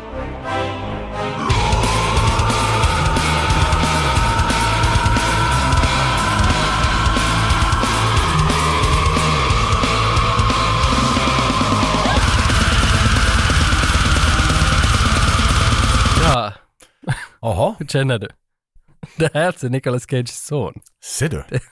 Vad kul att det finns musik i, i generna där också. Jo, jo, man blir ju lite glad ändå. Ja, att han väljer liksom sådant. Men alltså andra barnet, det blir lite roligt. Andra barnet heter Carl Att det inte L. blir som med Steve Harrys dotter liksom. Vad heter Steve Harrys dotters barn? Nej, band. Det heter bara Lauren Harris. Det heter bara Lauren. And you won't har- find it anywhere. Bara på YouTube om du riktigt hittar någonting. Men jag har ju sett henne live. Men det har väl du också? Det har jag också gjort tyvärr. men, men hennes orkester... That's an hour I'll never get back. ja, det är ju inte så, det, det- var inte så jättebra tyckte jag. Nej, men, jag hann- det var metal. Det var metal. Jag hade, jag hade sett dem i alla fall. Men eh, Nicolas Cage, eh, tillbaka till honom, hans andra barn heter Carl L. Cage. Alltså, eller Carl, H, Carl L. Coppola. Det här är alltså Supermans födelsenamn. Aha. Så det är sån här, han är gett lite här plojnamn. Ja, han har liksom- hyllat Superman med sin, sitt andra barn som heter Carl bindestreck L. Carl L. Nice. Så det är lite som den där hockeyspelaren som heter Just In Case. Exakt. Lite sådär, var lite rolig. Alla utom barnen tyckte det var kul. Exakt. Och det här, nu, det här andra barnet har han med Rico Shibata, som är väl hans, är det till och med hans nuvarande fru? Nej, det är det fan inte. Han har haft så många, det är inte hon. Jag hade en kompis som hette Ryo Shibata. Kanske det är hans syster. Så, Det liksom, så är, vi, så är vi nära. Det- Det måste vara. Men alltså, för i något skede, för han heter ju alltså Nicolas Kim Coppola, eh, Nicolas Cage, för i något skede så måste ju liksom den här nepotis, nepotismens liksom långa armar ha gripit tag i honom då han, han hade Coppola-namnet, för han har spelat i ganska många av Coppolas filmer, men han ville ju aldrig bli känd som någon Coppola liksom. Mm. Så, så jag tror att han, det som nu sägs är att han har bytt namnet till Cage för att, för att hylla Luke Cage, den här Marvel-karaktären som till och med har en serie på Netflix om jag minns rätt. Och det är ju ett jävligt coolt namn också. Liksom. Det är ju, it är sticks. det? Nicholas Nick Cage. Det är ju liksom wow. It's, det, det är ju Jo, movie star name så det inte blir mera movie star name än så. Jo, jo. Säg någon i Hollywood som har ett bättre movie star name än Nick Nå, Cage. det finns ju en karaktär i Hollywood som har ett namn som inte har ens ett mellanslag för man måste säga för och efternamn är samma och det är Tom Cruise. Tom Cruise. och- och- ja, så- faktiskt. Ja. nu- ja, han är ju där. Han är ju där. Så nu, nu, nu är han där uppe och nosar nog med ett coolt namn nu. Ja. Inte, inte det någon annan som har vågat ta namnet Cruise, men, det, men Cage har ändå Luke Cage, Marvel-karaktären. Nej, det var ju tvärtom. Nick Cage tog det av Luke Cage. Mm. Nåja, men eh, Nicolas Cage börjar ungefär vid 83 någonstans. Det är massa teen comedies där i början. Det är Valley Girl som han börjar med. Sen är det Racing Arizona med de här, Coen-bröderna som gör den. Sen är det Moonstruck 87 tillsammans med Cher, en romcom. Och där får han sin Golden Globe-nominering, sin första nominering. Och då blir han en erkänd bra skådis. Så det är redan från 87 som han blir liksom stor. Men någonstans först vid 95 så börjar han göra actionfilmer och då kommer The Rock och Face of a Con Air och Gone in 60, National Treasure, Lord of War och Ghost Rider och hela liksom ensemblen av actionfilmer. Är det då han finner sig liksom i sin... Vem, Jo, vem, är, det- vem är du? Vem är jag? Ja, och det är efter 95 och 95 får han ändå Oscar för Leaving Las Vegas. Han har bara gjort liksom teen dramas och dramas och kom, romcoms och alltihopa där före. Men sen av någon jävla anledning så byter han där och hittar sig själv i actionstjärnevärlden. Och, och sen, eh, ja, det intressanta här är att då, efter 96, 95 någon gång fram till 2011 så tjänar han ungefär 20 miljoner per film, vilket betyder att, jag tror det var Forbes som listade honom som en av de rikaste skådisarna på planeten, liksom, att han hade så mycket stålar. Och sen kommer den här stora frågan, vad hände efter 2012 när han plötsligt var bankrutt, skatteproblem, allting sket ju sig för hela kan mellan 2012 och 2018 typ. Alltså alla pengar bort, allting, alltså han, han är ju riktigt som sunkat till sig. Om man ser några bilder på honom från 2017, vet du, i någon rättssal, han ser ju riktigt som för, för, förvriden ut. Ja, han gjorde där- liksom Johnny Depp lite tidigare på något sätt. Ja, lite grann. Och under de där åren så gör han ju bara mest skitfilmer också. Alltså, för det är mest straight to DVD och det är såna home video grejer och alltså bara massa kacka. Och sen så upptäckte jag en lista, från någon som hade listat allt vad han har köpt liksom under de åren, hur han har bränt de där pengarna. Och han har ju som köpt hajar och dinosauriehuvuden och bläckfiskar och albinokobras och massa öar och stugor överallt i världen. Alltså han har ju bränt pengar på precis allt. Men Tage, om du nu som tänker på de sakerna du listar upp, ser du det som en potentiell dålig investering? Nej, inte en haj! Eller en albinokobra. En albinokobra, liksom hur många sådana kan det finnas? Nej. Exakt. Jag menar, öppna ett zoo i Helsingfors i någon liten förort Jo, jo. där eller till, i Röd eh, Berghäll. Och så visar du upp en albinokobra. Tänk hur mycket pengar du tjänar på biljettförsäljning bara på det. jo, jo förstås, men inte har han något tid, han har bara köpt allting, inte har han något tid att ta hand om det. Han höll ju på med fylleri han under den här tiden. Aha, han var, han var onykter. jag, tror- jag tror han var lite onykter. Men, men någonstans nu, alltså från 2018 så har han ju fått lite renässans, att han verkar ju vara lite sådär på, på väg tillbaka, att, att han har ju gjort en del bra, alltså Mandy, som var för några år sedan, och så Pig som kom i fjol, fann ju massa priser. Ja, och den senaste, The Unbearable Weight of Massive Talent, har ju fått mycket, den har ju blivit hypad alltså, för det är ju lite nästan en parodi på sig själv och liksom... Jo, han spelar väl sig själv. Alltså han spelar väl en fikt- fiktiv Fick- Nicolas Cage. Exakt. Och den har ju faktiskt fått liksom, den, den har ju blivit hyllad just för att han liksom driver och så vidare och liksom, så, det, så den, den har fått extremt bra recensioner. Också från de här liksom kulturtanterna. Tycker att det är liksom, wow, hej titta, vad, where did he come from again? Ja, ja. Och skruvad idé ändå att spela sig själv. Mm. spela sig själv fiktivt. Många har ju nog spelat sig själv på något sätt, men att det, det, jag, jag har inte sett den filmen, jag skulle gärna se den. Och så fick jag läst nu att bara för några månader sedan så drog de pluggen ur Tiger King fiktionsserien. Och där skulle Nicolas Cage spela liksom The Tiger King. Nej, på riktigt? Ja. Ja, men det har varit något strul med Netflix och grejer så de har dragit ur pluggen på hela serien. Det kommer inte att komma, men Nicolas Cage var den som skulle göra Tiger King. Men aren't they milking it a little too much? För det kom ju någon säsong två av Tiger King också som jag Jo. såg ett avsnitt eller två och sen var det så här, ja men det var lite som, eh, vad heter det, Making a Murderer som var liksom världens mest hypade true crime dokumentär i tiderna. Men sen kom det en uppföljare och sen var det ingen som såg den. Och ingen såg heller Tiger King Volume 2 liksom när han ska ha sin justice och ringa Donald Trump Nej. och whatnot liksom. Men är inte Tiger King säsong två också att han är ju fan i fängelse? Jo, jo, jo. Jag- har inte sett något av den här säsong två. Alltså. Exakt. Han, han sitter i fängelse bara. Det, Ja, det är det det Det handlar om. Sen ska han liksom försöka förtydliga sig, eller bedyra sin oskuld och så vidare. Men det är så satans svårt, vet du, om du har världens mest hypade någonting. ja. Och så väntar du de där åren. Alltså så här på rak arm, det är ju fan bara... Det är ju bara Stranger Things som kan hålla en sån hype än idag, trots att det var många jävla år sedan första säsongen kom. Ja, ja, och 85-95, när de väntar ganska länge att göra comeback, hålla samma nivå. Nå faktiskt ja, så det är ju lyck- Det finns ju några sån lyckliga undantag. Det, det finns några. Exakt. Jag har gjort förresten här nu en liten topp trea med Nicolas Cage som jag tänkte om jag drar bara snabbt att det är mina favoriter med honom. Definitivt. Jag har på tredje plats Con Air. Den tycker jag fortfarande håller. Fantastisk film. Och andra plats väljer jag The Rock för att den är alltså fortfarande kanske bäst. Men jag måste ändå hålla första platsen ledig för Wild at Heart från 1990. David Lynchs massiva häftiga Nicolas Cage och Laura Dern-epos när de reser runt. Den är nog en vacker film. Och jag hoppas att om du inte har sett den, att du tar dig tid någon kväll att se Wild at Heart. Nå enda så, alltså så här. David Lynch, nu ska vi thread lightly för att citera Walter White här när han pratar med Hank. Och Hank just har fått reda på att, han har, att det är han som är WW. Eller det är han som är Heisenberg. Men i alla fall, så jag vet ju vad, vad, vad han betyder för dig.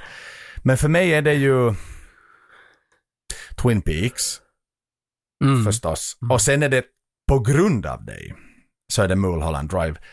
Men jag har ljugit åt dig alla dessa år och sagt att jag tycker om den. Jag förstår inte mig på den filmen. Jag har sett den om och om igen. Det är samma som att jag ljuger åt vår vän Matta att jag tycker om Vanilla Sky back in the days. Den förstår jag mig inte heller på. Om, om Varför ljuger man om Magnolia. Vanilla Nej men för det är ju fin kultur. Ja, jo, men Magnolia är väl, är väl ändå erkänd som en jättebra film. Det är väl inte fin? No, nu är det lite Nu är det fin är- kultur nu. Nu är det ju det nu. Men Vanilla Ice är ju fan inte... Vanilla Sky.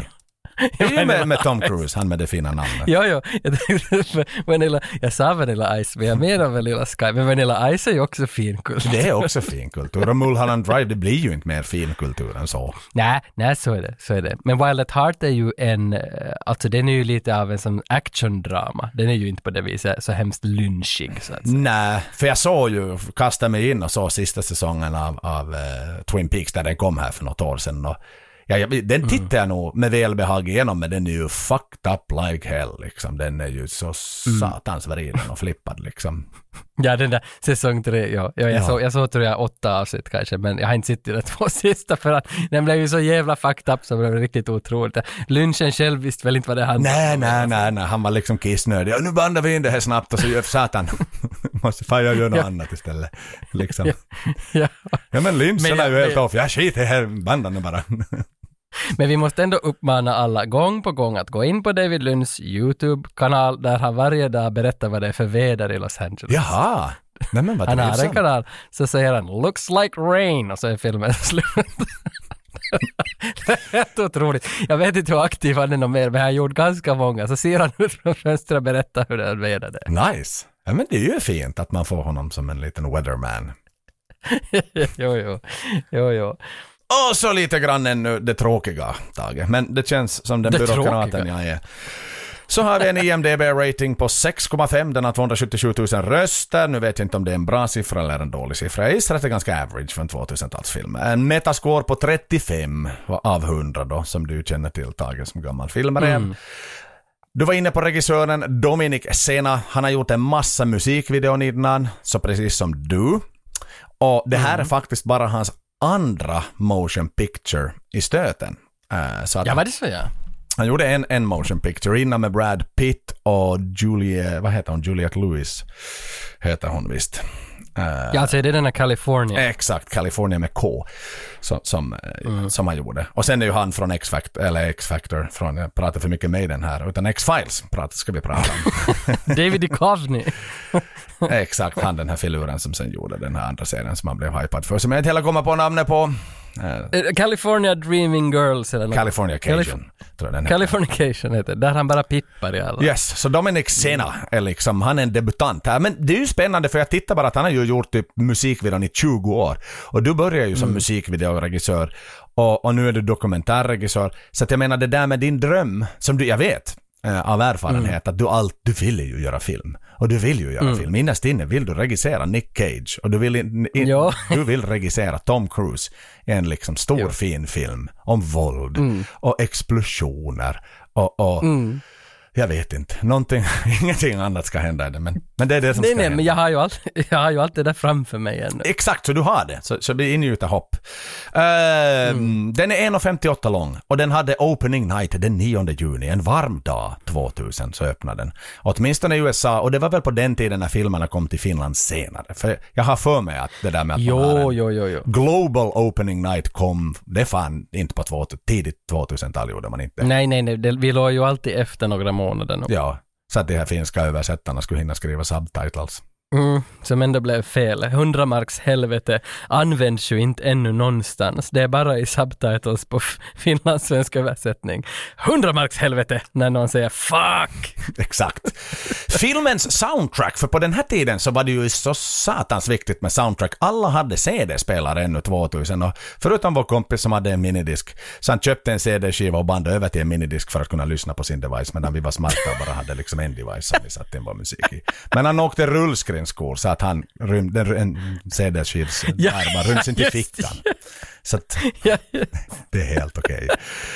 You know who you are. Men i alla fall, man släppte till och med två stycken soundtracks. Man släppte liksom en med, med den kommersiella musiken, det vill säga med musik av andra band. Och det är ju ändå semi-aktuella band. Moby är med där, du har Chemical Brothers, du har Jo.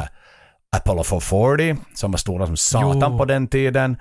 Uh, Sen har vi ju kanske världens bästa band. Eller nej, det är det inte, absolut inte. Men de har gjort en av världens mest ikoniska låtar. Om jag säger Alabama Tree, vad fan säger du då? U2! Nej, alltså bandet heter Alabama Tree, eller artisten. Ja, okej. Så jag ska säga en låt där, men tyvärr. Världens bästa band känner jag inte tyvärr. Nej, nej, men de, alltså så här, Alabama Tree har gjort världens mest coola signaturlåt till en... Det är ju inte ens att de har inte gjort den för den serien, men, men den, är, den är tagen dit. Aha. Vi har ju Eh, varit inne på. X-Files. Nej, jag vet inte. Christopher what the fuck.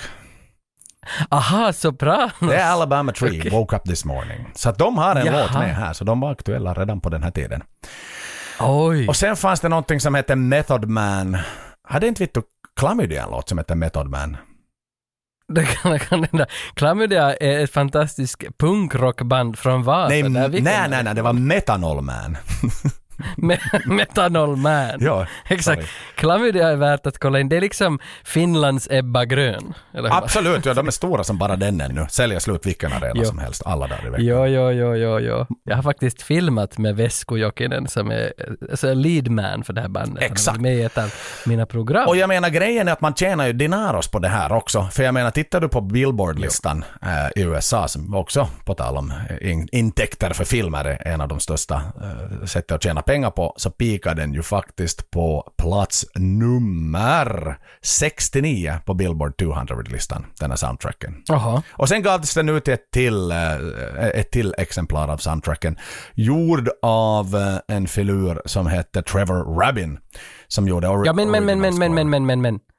Bromsa där lite. Trevor Rabin är ingen filur. Det är han som har gjort Armageddon soundtrack. Exakt, det var det jag ville komma till. Att han är ju så satans aktu- En filur menar jag som en positiv sak. Jag vet det. inte hur ni han säger är, där, därifrån du han är alltid aktuell.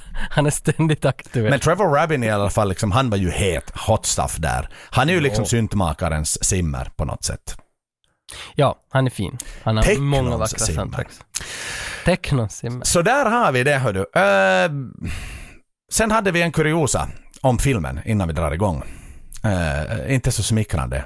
Att under 2000 års Stinkers Bad Movie Awards så, så var den, vann den pris för Worst Screenplay for a film that grossed over 100 million using Hollywood math and most instructive musical score. Ja, men in, att inte är det ju helt som superbra manus i den här filmen. Det, det kan man ju inte liksom, det kan vi inte sticka under stolen med. Men, Vi kommer ju dit. Men, och Angelina vann ju en nominering för, för värsta hårfrisyren i Hollywood Ja. Hairstyle. Men vet du, hon ha- vann inte. Hon var bara nominerad. Vet du vem som vann? Eh, nej, men vänta nu. Det var två Nej, vinnare det- faktiskt det året. Är de från samma film? De är från samma vann? film. Fulare hår än Angelina Jolie. I den här filmen. 2020. Ah. Vem, vem är liksom den om du snabbt suddar tillbaka i alla Okej, filmer? är, det, är, det, är, det, är det i Road Trip, den här DJ Qualls, den här nörtin i Road Trip? Nej, faktiskt inte. Det var Travolta och Forrest Whitaker för Battlefield Earth. Satan ändå. Den skulle man ha kunnat ta. Den borde du ha tagit. Travolta, Travolta han har vacker frisyr i den filmen. är det där som har någon slags backslick-rasta? Oh yeah. Det är nog. Men hon har ju, Angelina är ju också lite rasta. Hon är jättebra. Rasta var kanske... Rasta blond, blond rasta. Ja, det var inte så populärt kanske med rasta i, i, i prisceremonier under 2000. Nej, jag misstänker att det var lite illa. Men våran gemensamma kompis Tony Heikkilä hade ju rastor 1999. Det hade han, var lite, faktiskt. Han, var det- han, var före, han var före sin tid. Han var det ju. Men, Men han det var var för att den där han- Boomfax MC-skillen hade rasta i musikvideon. Ja, han den där blonda killen. Exakt. Som styrde Jag känner allt. faktiskt, jag känner en som var med i den musikvideon. Hon heter Sonja Kailasari och hon går förbi där på metrostationen medan han dansar den där killen. Hon är programledare med Janne Grönros för Efter nio i dagsläget. Time it took you to buy your ticket. 3.2 minutes. Time it took you to get your popcorn. 2.5 minutes. Time it took them Oh, let's go, let's go, go. to steal your car. car. Hello, ladies. 60 seconds. 60 seconds.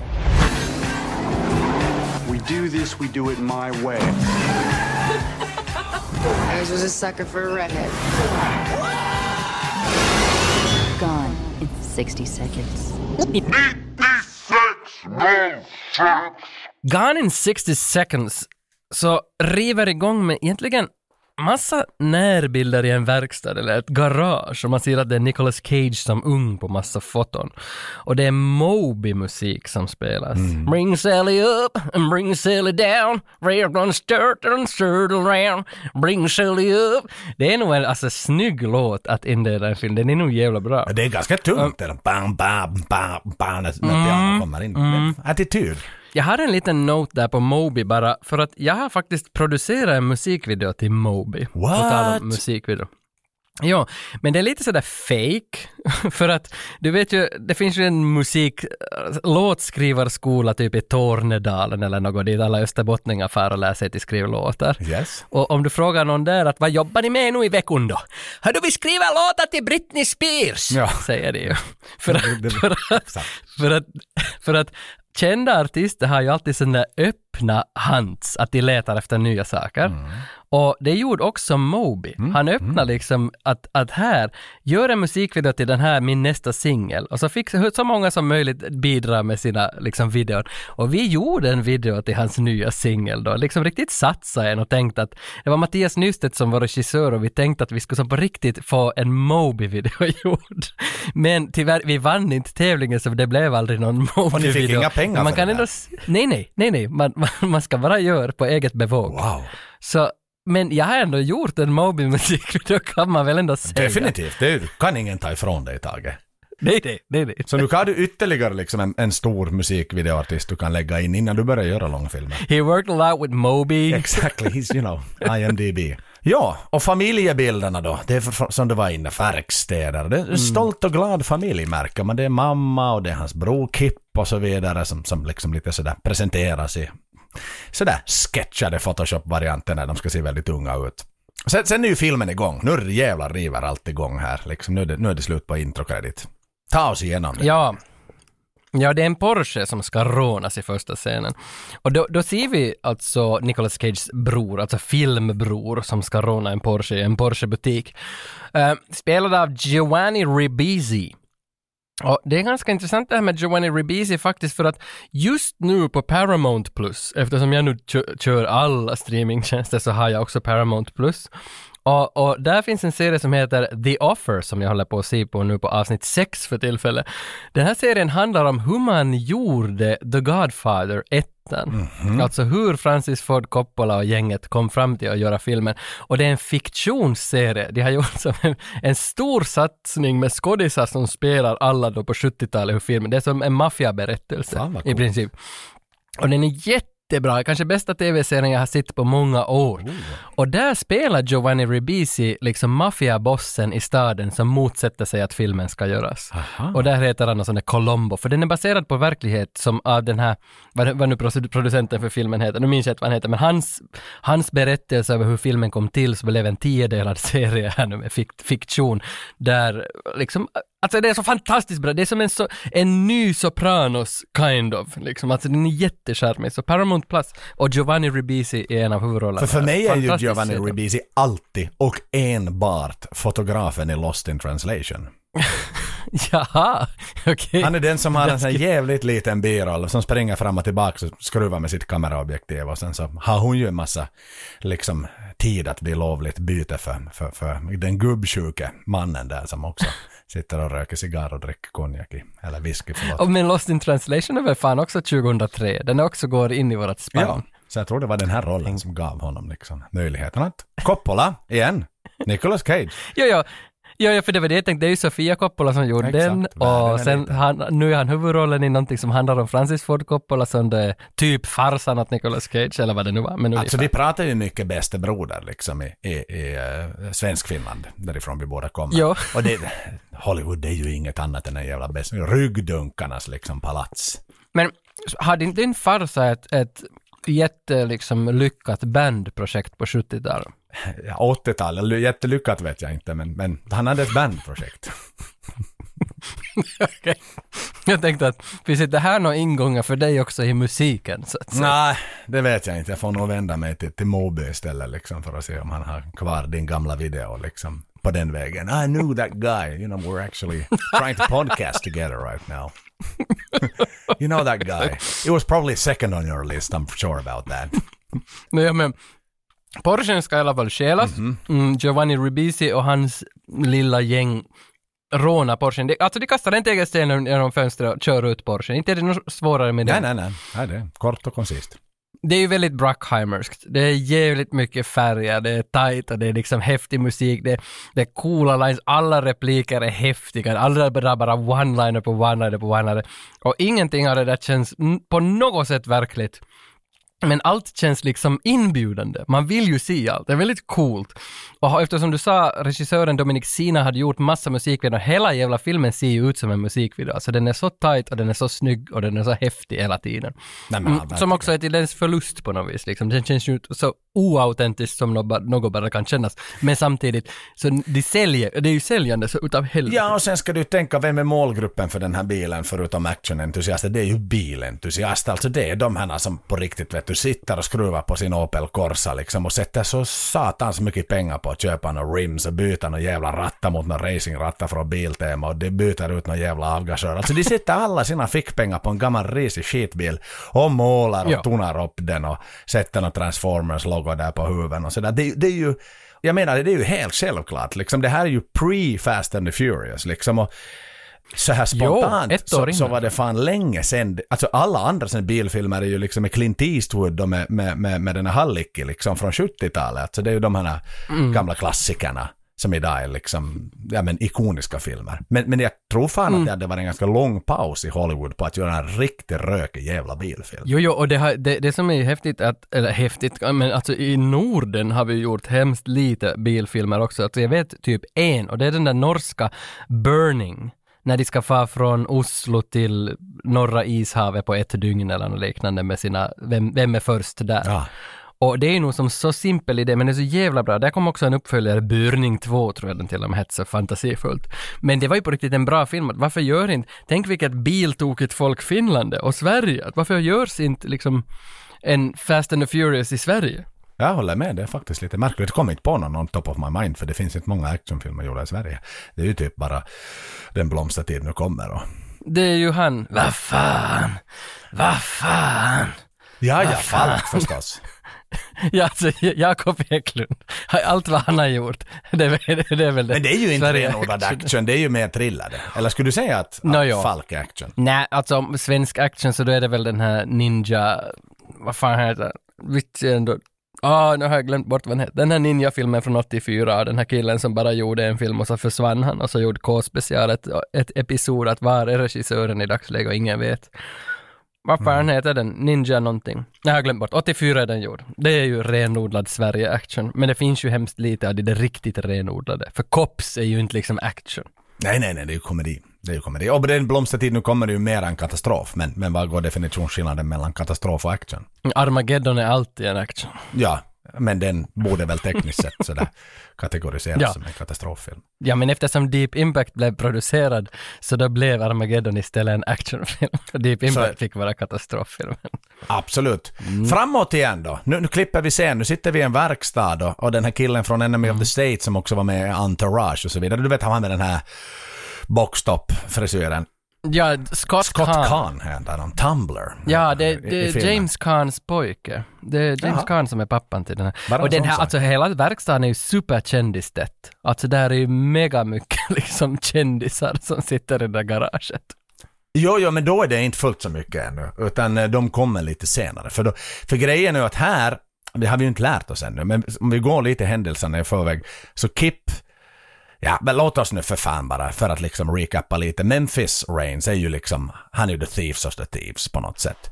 Kip är hans, hans Mm. brorsa. Det, det kanske vi har räknat ut på de där bilderna introduktionsmässigt. Så är ju, han vill ju Mm. gå i sin brors fotspår, men, men brorsan har ju, det kommer vi till nästa scen, han gör någonting annat. Och, och de är ju ett Mm. jävla litet crew där i, i den, för det är de som faktiskt ännu är kriminella. Många, alla andra är ju som gått vidare i sina liv.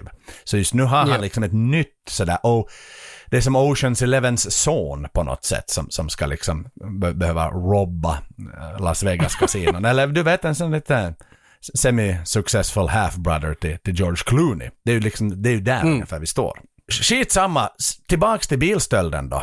Ja, de tar ju sig undan där. Giovanni Ribisi klarar får sin sig att köra undan, men de drar ju efter sig halva poliskåren. Ja, exakt. De blev väl uppmärksammade av poliserna där som följer Ja, för dit till garaget. För hur det inleds är ju så här att han stannar bredvid någon sån där vet du, at- asiatisk tonad bil och så liksom ska han liksom varva igång den där killen som sitter där, ägga upp honom till ett street race, ett illegal street race. Och så bränner Mm, det ju på så står ju snuten där med, med, med, med skannern helt enkelt och tittar att hörni, grabbarna kör nog lite fort här. Och då, och då, då är ju snut och helikopter och hela faderullan liksom far ju och chasear dem. Men för där, då, då vi kommer tillbaka till garaget och de kommer dit så då får man ju också se där på väggen att de har en, en liksom lista skriven med sådana gammaldags vi, blackboard, vit krita på väggen så har de skrivit upp jättemycket bilar där och så ropar någon 21 down, 13 to go! Exakt. Att det är liksom listan att så här många bilar ska det här gänget stjäla på en viss tid. Ja men exakt, exakt. Och det är faktiskt till och med liksom UV-lampor, att de har ändå lite sådär hiffistelja där. Men här, nu i det här skedet av filmen så smättar det igång. Nu vet jag inte, du kan lite soundtrack att eh, ett av mina favoritspel någonsin heter Fifa 2000. Där man, man spelar Fifa på datorn. Med ASD och W som man styrde spelare med och så Donna, nej man sköt och pa passade på dem, jag minns inte. Nåja, skitsamma. Fifa 2000 hade ju den här Chumbawamba Thump Thumping-låten. Mm. I get knocked down! Men de hade också den här låten som drar igång nu, jag vet inte vad den heter men den... Stop the rock, can't stop the rock. Ja, stop the rock, ja. Det är väl den som river igång här nu när polisen gör liksom entré där i Absolut, garaget. det är just den som kommer hur som helst, poliserna bracklar in dit. Och här är nog någonting som jag älskar med Bruckheimer. Han kan ju göra vem som helst cool med så små medel. Liksom att när, när polisen kommer dit, de har som underifrån filmade bilder som rör sig lite på en dolly framåt och när polisen då stiger ut ur bilen lägger armbågen ovanpå dörren. Och så ska man säga någonting coolt och han säger väl typ något sånt här att “What have we got here?” Liksom när de, när det är så legendariska repliker. What do we have here? Eller what, what do we got here? Vet du vad som är så jävla spännande den här? För att jag menar, det är inte många minuter seriöst i det där lagret, för de vet att de är snuten Nej. på arslet. Och de hinner som sudda, men de suddar ju inte seriöst. Alltså du vet, det, det är det som du skulle skriva att något fult i klassrumstavlan och sen så vet du röksin kommer, röksin kommer och sen så drar du tre gånger med den där torra moppen för du har inte ens hunnit blöta den. Så du suddar ut ett i kanske är suddigt men allt annat står kvar. Den där blärren som du har ritat, allt är klart. Kyrkbåten är kvar, allting är liksom fortfarande kvar och så springer du. Hangman. Men likväl, liksom, lika snabbt som helikoptern är på plats så är ju faktiskt då Detective Roland Castleback och Detective Drykoff på plats.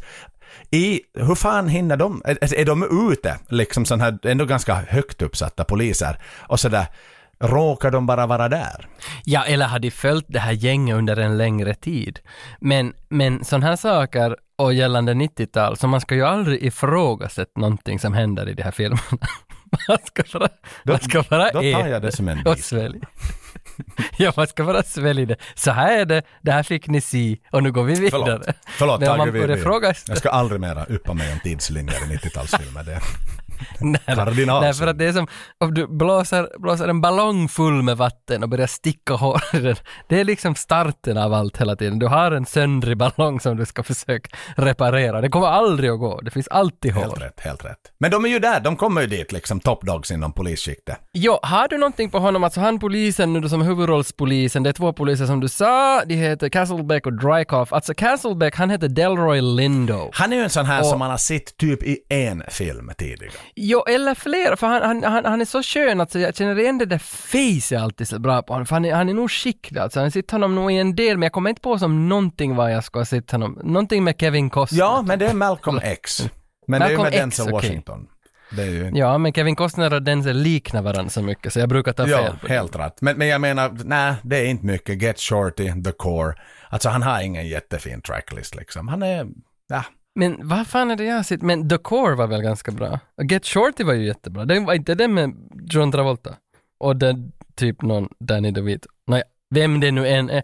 Men det finns ju i alla 80-talsfilmer finns det ju då när de ska berätta om hur badass badassen är, så är det ju alltid någon annan som ska säga, dra hans CV för sin kollega så att vi som tittare får veta hur badass, för han kan ju inte säga det själv den där bad guyen. Och här drar ju den här Timothy Olyphant Drykoff, så drar ju det där hela, hela CVn för brottslingar. These guys are professionals. Det är det första han säger.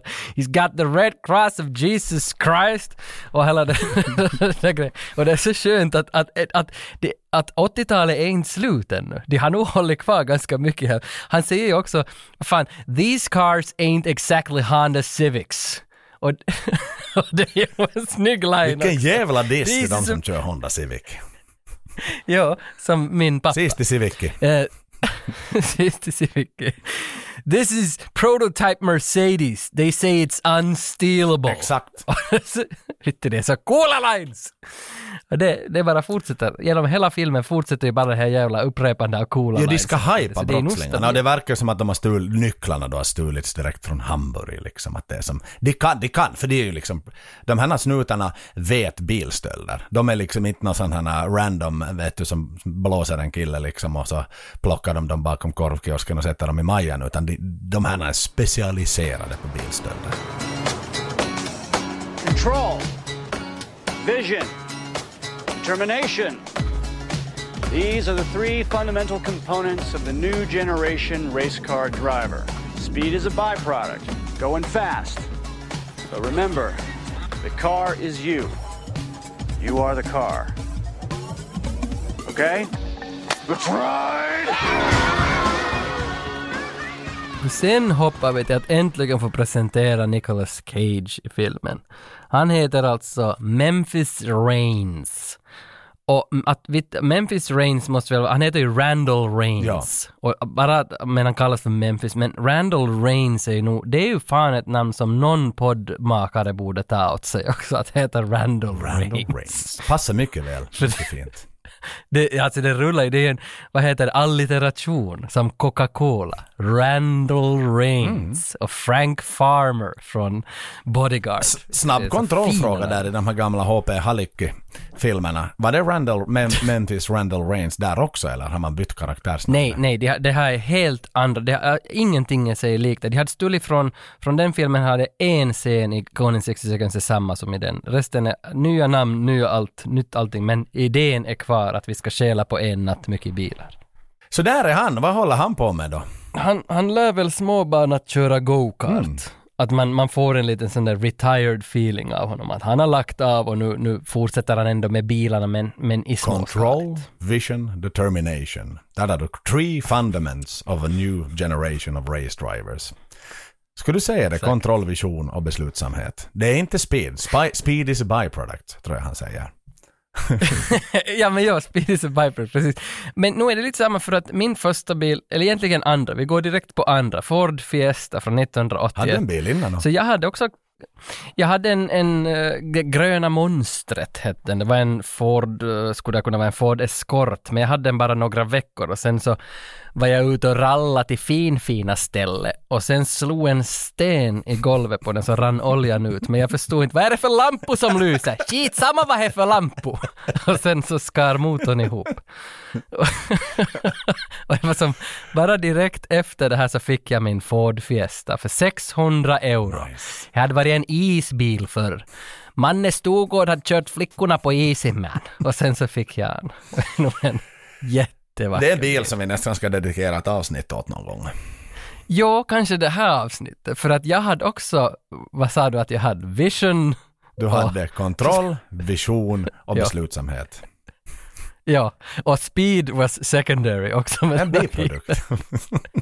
ja, men jag hade ju en jävla häftigt ljudsystem i bilen. Jag hade liksom en, vad ska man kalla, jag minns att när du satt i bilen första gången så sa du att, eller all, varje gång du satt dig ner i min bil så sa du att jag skulle lägga igång subbaren. Och, och sub, subbare står väl egentligen för subwoofer. Som då är en, att de låga frekvenserna av ett musikstycke ska höras mera, alltså en bas. Och, och jag hade en knapp som, som stod något sån där, stod kanske b- bass boost på knappen. Lite som Och när man tryckte, mute-knappen typ. ja, precis. Ja. Och när man tryckt på knappen så hände ingenting.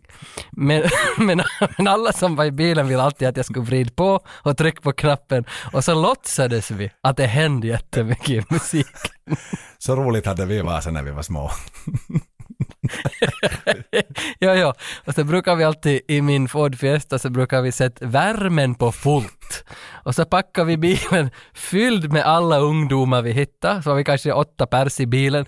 Och värmen skulle vara fullt och det var sommardag, det var 30 grader ute, men vi måste ha på fullt och ingen fick klä av sig några kläder. Och så skulle vi köra for, fort till någon strand och fara och sim. Och med Fiestan körde man alltid ända fram till vattenytor. Exakt, det gjorde vi alltid. så hoppar man ut ur bilen. Halva bilen stod i vatten. Fan, den måste ha gjort de mest illegala körningarna i hela jävla Vasa den där bilen. Jag vet hur många cykelvägar vi var och brände på. Det var ju alltid vi skulle testa och göra lite värre och lite värre hela tiden. Du åkte Ja, aldrig fast va? exakt. Nej, aldrig fast. Och, och för allt, allt börjar från att min bror, som är polis by the way, han, han, han använde uttrycket liksom har du knäppt pappersbron? Och att knäppa någonting i Vasa var att har du åkt över eller har du lyckats klara Har du av gjort att fara? den? Och pa- har du gjort den? Och Pappersbron var alltså en gångbro utanför, strax där mellan Brändö och Vörostan. Och, och den fick man absolut inte köra bil på för den var så smal och så frågade han alltid, har ni knäppt Pappersbron ännu? Och så tänkte vi att vi skulle nog visa åt honom att, att inte, inte vi liksom såna pussies, så vi får ju nog över Pappersbron direkt, men vi tog ju ett steg längre. Och de som känner Vasa och Österbotten så vet att eh, vi, alltså här var vi gjorde att vi, vi for från Gustavsborg till ishallen. Och här är fan ingen i Vasas historia som har kört bil däremellan utom Fiesta. Med släkt- med släktarlampor. brottslingar. med släktarlampor, precis. ja, för att det är som bara en smal cykelväg inom två kilometer som, som vi knäppt. Så och där toppade jag min bror. Min, jag blev Memphis och han blev Kip. Ja, ja, ja, ja, där liksom rollerna blev, tables have turned mellan er. Nej, jag har haft så mycket roligt i den där bilen. Alltså det, det är, hela min barndom kretsar egentligen kring den där orangea, fantastiska bilen. Yes, men i alla fall lite tillbaks till storyn sådär. Och en snabb fråga där, vad kan du ta om karting? Du har ju ändå spenderat 3000 timmar i ditt liv på kartingcenter i Vasa. Ja, det har jag. Kartingcenter i Vasa, men vi var ju mest där för att äta glass som vi inte köpt från kartingcenter och spela flipper med Evil Madness av Williams. Exakt, exakt. Så du, Så att vi körde inte, jag körde kanske bara en eller två gånger där, så jag kan hemskt lite om karting. mm, jag kan inte hemskt mycket mer så då släpper vi det.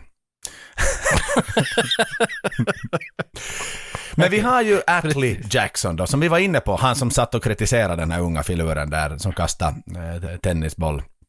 Så han kommer ju in i bilden och liksom, nu, nu, nu, nu ska han snacka lite med Memphis då. Han behöver honom lite till sidan, nu får han släppa kidsen en stund då. Ja men informerar ju honom att brorsan är ju han är ju in deep, han är rejält i piss alltså. Att, och här får vi också då lära oss att, att Memphis ju liksom var, som jag var inne på tidigare, rena rama mästertjuven när det kommer till att plocka bilar.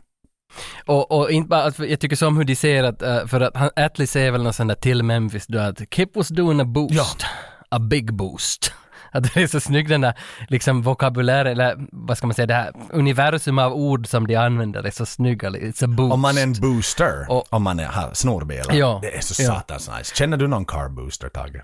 Ehm, jag önskar att jag skulle känna, men jag har faktiskt, jag har faktiskt ingen i mitt, mitt register som stjäl bilar. Nej, jag har inte heller. Tyvärr. Jag har inte, jag är ganska glad Jag, över. jag skulle gärna känna någon, så hör av er ni som är Ni som är biltjuvar. boosters. Exakt. Berätta mer. Men, men vi, Ge oss gärna regnumren och sånt här också.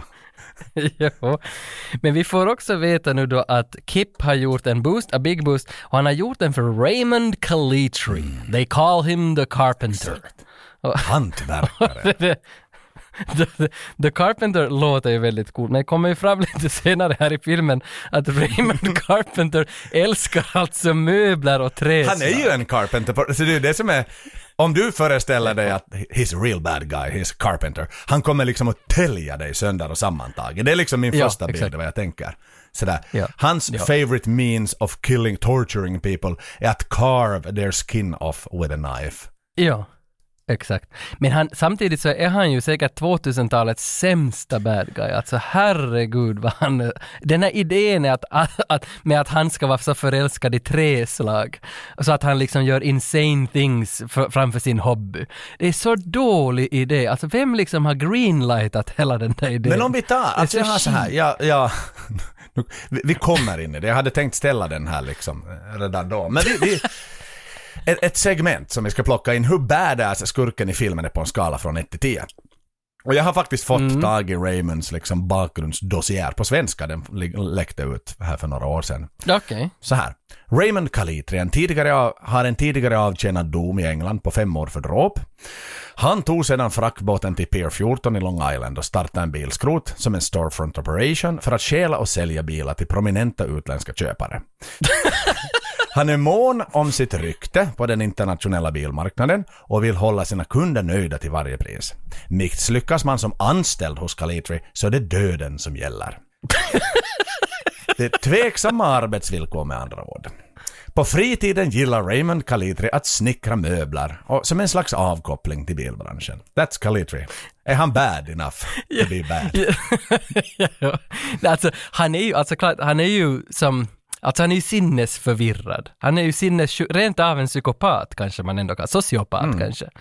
Han, han är ju mycket äcklig, men alltså när jag menar att han är dålig är ju egentligen bara för att den här idén till honom, att han finns med i filmen, känns som så mismatch med Nicolas Cages universum. Alltså det passar inte.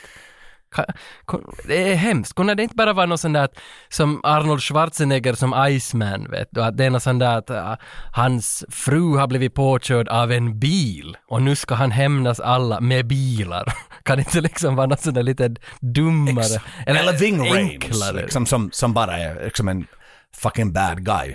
Som inte har något jävla Ja. möbelintresse. Jag har ju ingenting. Alltså okej, nu går vi händelserna i förväg. Där på slutet, så, så det är ju typ det som får honom att kuka ur totalt. Det är ju när Nick liksom ungefär gör en sån här eh, ninja liksom på en stol så den går lite sönder. Han blir ju helt, alltså det är ungefär som att någon ska, vet du, döda dina barn. Det är liksom så upprörd blir han över någon jävla träbit som flisar som flyger. Men för att jag, jag, jag, jag är ju en av få från Vasa övningsskolas gymnasium som lyckades få ett slöjddiplom. Är det sant? Så jag har ju faktiskt Ja, 2003 så gick jag från skolan med ett slöjddiplom och 100 euro rikare. Oho. För att jag hade varit så duktig i slöjden. Så att jag kan ju ändå känna lite sådär att det här med materialhantering och att, as, liksom att, att betsa saker och få så, alltså det finns ju en kärlek där men jag tror inte, den är så svår att beskriva i bilder sådär kvickt.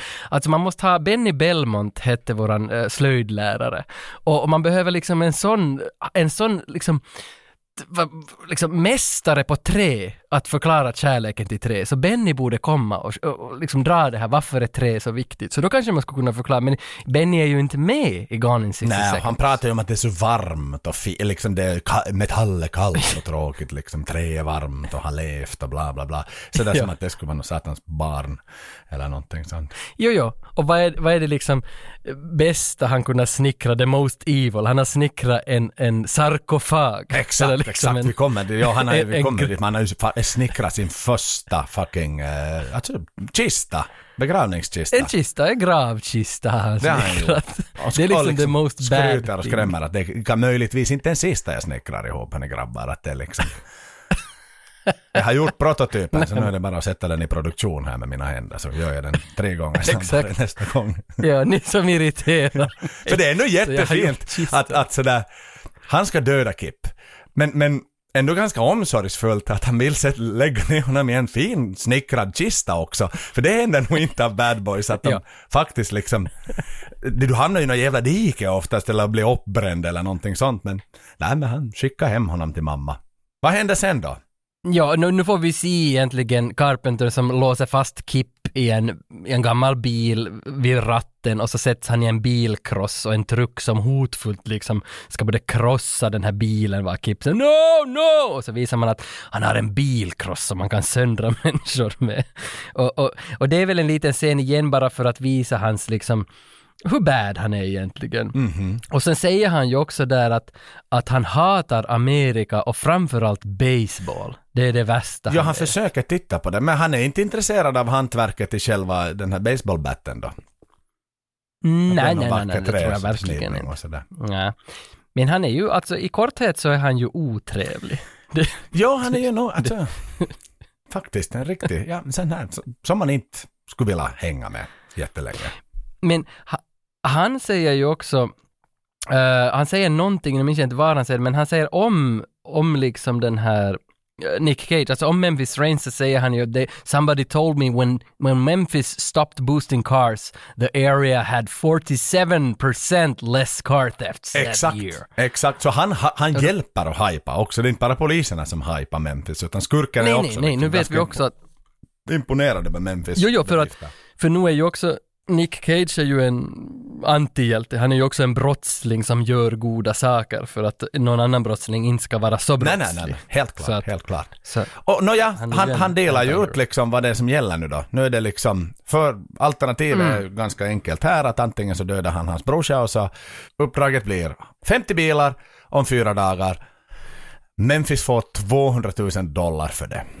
On this list, you'll find 50 cars, 5-0.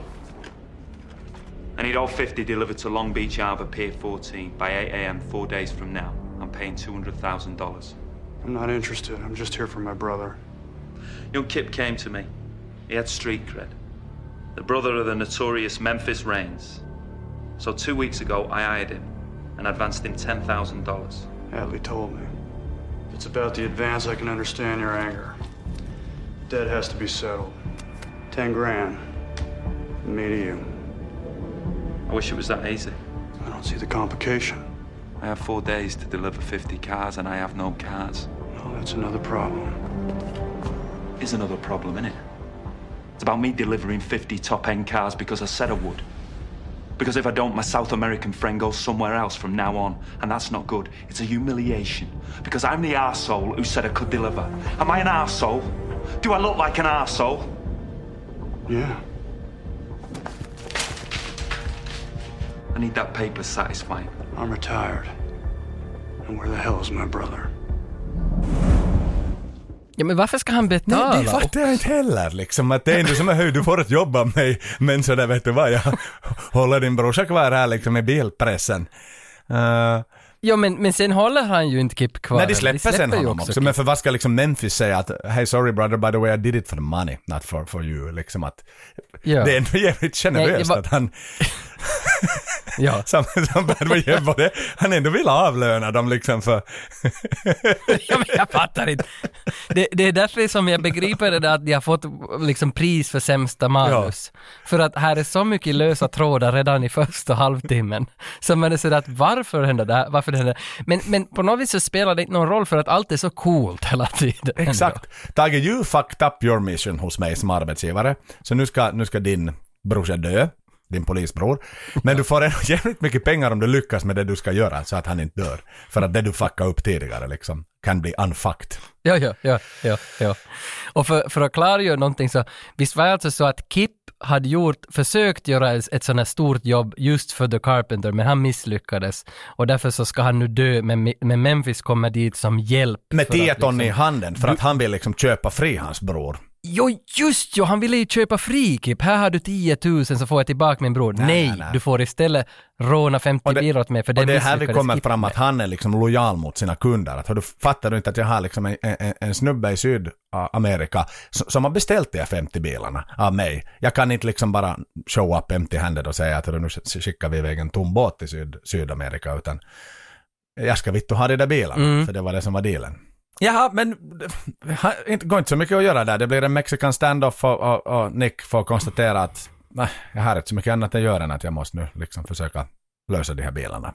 Ja, och sen är det just så konstigt sen för att Kip och Memphis får då sen fara hem. Ja. Att nu, nu, för då får de hem och lagar mat till varandra. Och då, det är väl egentligen en scen som ska bara visa hur dåligt ställt Kip hade, att han bor i någon sån här husvagn ungefär och ska steka malet köttsås, lite morrasås åt broidin. Och så spiller han i hela saltkaret i maten och allt är bara misslyckat och bränner köttet. Han, Ja, han är Pannan misslyckad. börjar blinna liksom och han, han, han kan ingenting. Ja. Mm, men han säger därför en och där också, I have everything under control. Och direkt han har sagt det, så för, för hans- kulinariska liksom resa där genom så för- sabbas totalt allting. Och det är som en sån här cool grej att säga att den här killen har verkligen ingenting Nej, så att vi får liksom egentligen bilden av att hans brorsa är en ganska fuck up liksom. En halv mesyr på sin jo. riktiga bror liksom. Faktiskt, Mm, det var han. mm. Yes. Mm. Eh, Sen är det väl egentligen klipp till de där poliserna, att de är ute och reder ut saker. De får reda någonstans ifrån att, att det är en eh, det är någon at the docks som, som ska få en stor leverans där vid, vid hamnen och det är väl det här samma rånet. De får reda på lite ledtrådar redan här. Nu minns jag inte hur det gick till. Att Jo, jo, men de har ju sin i snitch som de är och pressar. Som är sådär, just you're de still on your jo, jo. parole liksom. Att, ah, men vet du vad, vad säger Jo, din parole officer om att du är här och springer i hamnen liksom? Ge oss info Mm, eller så, så mm, ringer mm. vi din parole officer. Um, Nick far väl också här, alltså Memphis Reigns far också träffa sin morsa som jobbar på en Exakt, diner. på en American diner som vi hade i Vasa i tiderna. Oh, ja, nu, paus här. American Diner i Vasa låg mitt på torget, en sån där koppi, En säga, glasbox. en container. Glorifierad glasbox. container. Exakt. Och, och där sålde de eh, hamburgare, jättemycket olika hamburgare som var jättegoda, men de sålde en burgare som hade ett kilo Yes. kött i biffen. Och så hade jag en sån där graverad lista på väggen vem som lyckas äta upp hela burgaren inom, vad det en tre timmars timeframe man fick ifall man ska äta upp hela biffen. Och där har jag faktiskt haft flera kompisar som har provat det här och en av dem kastade upp i terrassgränden där bredvid. Och han hade fan inte mycket Men då kvar. nej, enligt sägen så hade han bara några fränare Exakt, möjligtvis en halv sista liksom sån där beef patty hon var kvar där på. Men, men, men liksom kämpa på. Man, man, man hade en timme på sig eller någonting innan man skulle liksom... Jo, jo, det fanns en timeframe som var utsatt för det där. Men, men jag var aldrig ens att prova. Jag tror inte att jag, alltså, börjar nu med ett 400 grams malet köttpaket. Alltså man orkar ju knappt äta upp hälften av. Alltså ska det 800 gram till sen som du ska truga Så det är det Memphis beställer nu och så börjar han liksom hugga in här. Liksom igen. liksom, han, han passar på att ta en sån food challenge på vägen. För han fick inte så bra frukost hos brorsan så han var, han var hungrig och utsvulten. Ja, så det här är faktiskt, så det är manustekniskt ganska bra. Att brorsan misslyckades laga mat så han får till en diner och där jobbar hans Exakt. mamma. Och han har blommor med sig. Liksom. nu- Det han, han vill. Du vet, han har gjort något dåligt nu så nu, nu ska han försöka kompensera det med lite grönsaker. Och sen står ju där inne då liksom, de sätter sig ner och börjar lite sni- snicka och snacka och där sitter ju två snutar också som dricker snutkaffe som tittar på honom och de känner ju till Memphis för han är ju liksom en, en, en legend i stan. Så, där, så vet du, de börjar ringa och ha sig Mm. liksom, "Hej, någonting händer, Mullradion börjar, transiga Ja. telefoner. You're not gonna believe who just walked in the Exakt, diner. Exakt. Och, och här, här vill jag fäst, du vet det är mor och son diskussion och vi får ju reda på att Memphis, han är en sån sweet caretaker. Han säger att han skickar pengar varje månad till Kip och mamma. Liksom att, tänk Ja. och han har nu inte ett jävla välavlönat jobb där med de där kidsen och, och go-karten där ute på vischan. Det ser Nej. ut som någon sån här, vet du, ute i liksom, mitt i ingenstans. Så, så mycket pengar tjänar han inte. Och av det så väljer han att avsätta en peng varje månad åt sin bror och sin mamma. Men framåt, han outar ju då till morsan här att hördu, jag, måste göra saker som jag har lovat att aldrig kommer att göra igen och, och egentligen vad fiskade han efter, varför hade den blombuketten med? Och det var såklart för att mamma skulle ge lov åt honom. Att liksom, ja det är Mm. okej. You do whatever you have to do. Det är också, it's a brother's love, Tage. It's a brother's love. Jo, jo, men hela filmen är väl egentligen, handlar väl bara om brödrakärlek och att man får ta till vilka grepp som helst för att liksom hålla sitt förhållande med brodern vattentätt, att vi inte grälar så att Nej, säga. nej det är nog, det är, i den, de här verkar nog liksom vara tajta även om nu Kip inte hittills har visat att han är liksom värd to die for så att säga. Men Sen är det väl, Alltså egentligen så de här poliserna så är ju konstant hack i häl på brottslingarna. De får bara reda på lite mer info hela tiden. It looks like Randall Rains job, vet du, hela tiden. Man ska hela tiden upp, uppa upp Nick Cages karaktär och polisen ska vara hack i häl. Det är det här som pågår genom hela filmen. Att det är en katt och råtta. Ja, de är ju helt besatta av honom liksom. Men sen får de väl och hälsa på Otto. Det far de och jag vill bara är- poängtera sådär att det också som kommer fram att varför de är så besatta av honom är ju det att de i och med att han har slutat och öppnat sin go-kartbana, så han, hade ju, han har ju alltid kommit undan dem. Att de, att de lyckades ju aldrig sätta dit honom, så han har ju aldrig done time, Memphis. Utan Nej, grejen är sant, att han är liksom så jävla den här, eh, speciellt,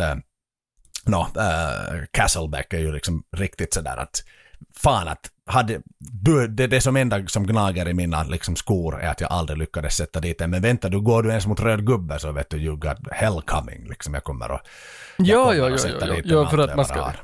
up the stakes och massa kryddor in i filmen. Det här, det här dusten mellan Randall Rains och Castlebeck ska Exakt. göras liksom... det är riktigt så här klassiskt, blåser du omkull så blåser du ut. Liksom. Exakt. Spänna bågen på Exakt, Malice. ja, du försöker inte med någonting här. Jag har ögon i nacken och jag håller koll på dig. Bara på dig och inte på någon annan. Vi har hundra gäster här men mina ögon är bara fastnade på dig. Men för efter det här så, så far väl egentligen Nick Cage den klassiska scenerna nu då att han ska börja assemble the Jo, jo, nu är det. Oceans Eleven liksom riktigt sådär. I got a mission and I need people for it. Och det här är före Oceans Eleven, för Oceans Eleven visar väl i princip alltid samtidigt hur de gör rånet som när de samlar ihop gäng. Jo, jag tror det är en sån de- parallell Intercut. Liksom, det är så Ja, men, men det gör ju inte Gone in 60 seconds, utan Gone in 60 seconds håller på i två timmar, men den skulle ha kunnat sluta efter 1.20 om man skulle ha varit lite rappare. Jo, jo, vi kommer till delarna. Jag nog har lite feedback på hur saker och ting. Men, men vi sa ju att, Hur det borde ha varit. å andra sidan sa vi att den här är en, en, en film för, för liksom bilnördiga och biltokiga, så det, de, de måste få sina Ja, ja. Jo, jo, jo. Men de träffar Otto då, som är Robert Duvall, en annan Oscar-vinnare. Så har vi Angelina Jolie-casten också som har vunnit Oscar. Att Det är ganska kändistätt nu, alltså det, det är ju skickliga skådisar. Och han är ju en sympatisk Och- man, Robert Duvall. Han är ju så Han är- han är alltid så en gentleman. Jag tycker om honom väldigt mycket. Mm. Och här är han porträtterad som en sån här gammal stöjt som Nick har jobbat med Hans förr, mentor, Liksom att, hans mentor rent av, ja. Och han berättar hela upplägget igen får vi höra om Kip och liksom hela upplägget 50 cars, four days, my brother's gonna die, Carpenter kill him. Och så här, det kommer hela det där upplägget igen. Och sen hoppar de på telefonerna, gammaldags telefoner och börjar ringa alla, liksom the whole shebang. Och där är nog som Bruckheimer framme igen, hur de presenterar alla de ringer upp är nog snyggt. En riktigt sån där klassisk Bruckheimer, att man visar, alltså lite som Con Air, hur de presenterar alla som ska sitta på Ja, ja, ja. planet. Alltså en liten introduktion utan voiceover, men en liten introduktion till deras liv just nu.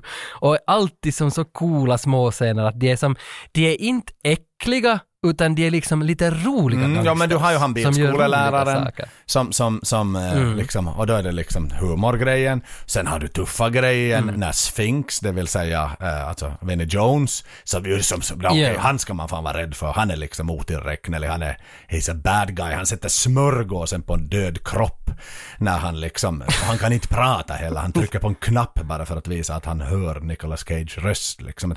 Du vill verkligen att det här är, Ja. den här killen vill du ha i din ring Jo. liksom, när, när det blåser kallt och hårt. Jo, och sen då han ringer Sphinx så säger han ju också Is it Sphinx? Press a button if you can Exakt. hear me. Och så trycker han "Dirt." Liksom att man visar ju också att de har en historia tillsammans. Att det är ganska som en eh, fint sätt att visa det. Och så att alla har så coola namn. Frankie Fish, liksom Donnie, Laserface. De har alla liksom häftiga namn. Och sen den sista, Den sista. på listan. Ja, för de ringer ju en massa sådana Ja. vet du, också misslyckade samtal. För det, så Ja. det måste ju vara. Liksom, det är ju inte så att han har tio på listan och tio svarar och tio är på. Utan det är liksom, Nja, grejen är att det finns bara några lamm kvar och det var ju de här två. Och sen finns det en till. En. Ja, och, och det är någon som heter Sway. Och Sway visar sig då vara Angelina Jolies karaktär och han, han kan inte ringa henne utan han måste besöka henne för att riktigt få en snygg scen då han träffar henne då hon jobbar som bartender. hon är mekaniker man ser direkt... först. Så hon rullar ut ur en bil som ligger. Aj fan ja! Hon, Och, och säger att hon är sen till ju jobbet, hon hinner inte snacka med honom, med Memphis. Så säger jag, men vänta nu, du är på jobbet redan. Så sa hon att har man en honest living så måste man ha två jobb, annars har man inte råd. Jo, jo, jo, du har så sant. Det hade jag glömt bort, att hon jobbar ju dubbla skift och sover aldrig. Sant. Och, och, och, och de verkar direkt på deras dialog så hör man att hon är sur på honom för någonting och de har liksom, det har, det har varit gnabbigt mellan de här två Mm. tidigare. Och, och, och han lyckas inte heller övertala henne att komma med och hjälpa med den här kejkan. inte. Mm, ehm, sen när han går ut från baren så träffar han Johnny B på parkeringsplatsen. Och Johnny B spelas väl av Master P, den här rapparen. Ja, för han är cocky och har en jävla attityd. Vad va, vad fan gör du Memphis här? Är du här för att sno våra jobb? För det är ju också boosters. Det är också boosters, Johnny ja. Det är ju liksom jävligt fi- För det verkar ju tekniskt sett som att den här Calitri är, är den enda beställaren av större mängder bilar i hela jävla Los Angeles. För jag menar, han har redan Ja. anställt liksom Kip. Mm. Och, och, och Kip liksom då eventuellt snodde det här framför näsan på, på Johnny B. Jo, jo, alltså här är ju en konkurrenskraftig bransch med massa olika, eller med tre olika gäng. Eller rent av Kanske bara två två som det blir. Det ena mergar ju ihop nu i och med att Memphis ofrivilligt liksom fick så att säga come out of retirement. Jo, jo, jo. Men de hinner ju, att Memphis hinner ju aldrig ens börja förklara läget innan Master P liksom är och in his face och hamrar Jo, jo, honom i ansiktet. Det är slagsmål direkt. Han. Nej, nej, nej, nej. Men då kommer Sfinxen, Winnie Jones, som de hade lyckats ringa till, som satt smörgåsen på döda kroppen, som redan har sagt jo med ett knapptryck. Så han, han dyker ju upp där. Hur han sen vet att Memphis är på parkeringsplatsen där, Utanför baren. inte. För det är ju där Ja, han är. du Och en annan rolig sak där då också att, eh, nå, vad tappar jag namnet på henne, eh, Angelina Jolie, Sway. Eh, Sway. Inte hör någonting för, för Spinks sätter ju eld på tre, fyra bilar som exploderar och har sig och hon bara står liksom där i baren och serverar Jack Daniels åt kunderna liksom och kommer inte ut. Vad sa Åt sig Vad själv. hände här liksom? Ja, det är roligt att hon serverar Jack Daniels åt sig Ja, själv också. exakt. Yeah, how about that drink, säger hon. Men inte, inte händer ju sen jätte, alltså de slåss. Nej, ja, de slås, men för Winnie Jones är ju som så cool, alltså, men är han för cool? För att det var någon av Master P's gängmedlemmar ska slå honom i ansiktet, men, men Winnie Jones vänder sitt huvud mot liksom knogen som är på väg mot hans face och slår tillbaka knogen med sitt ansikte. Och så, så ramlar den som skulle slå, medan Winnie Jones står kvar. och det, det är ganska coolt nu att han har så thick head, så han kan liksom stoppa Och slag för tillbaka kraften på den andra människan med sin egen hand. Exakt. Det är lite såhär Marvel Ja, ja, ja, ja. comics. Det är över det. Det är brutalt ganska, det är här. ganska Men no, ja, de klarar sig. Det, inte händer det ju sen desto mer. De ligger nog där och liksom vet du, långkar på och liksom ha- ha- hafsar sig tillbaka, de här Johnny B. Och fick erkänna sig besegrade för kvällen helt enkelt.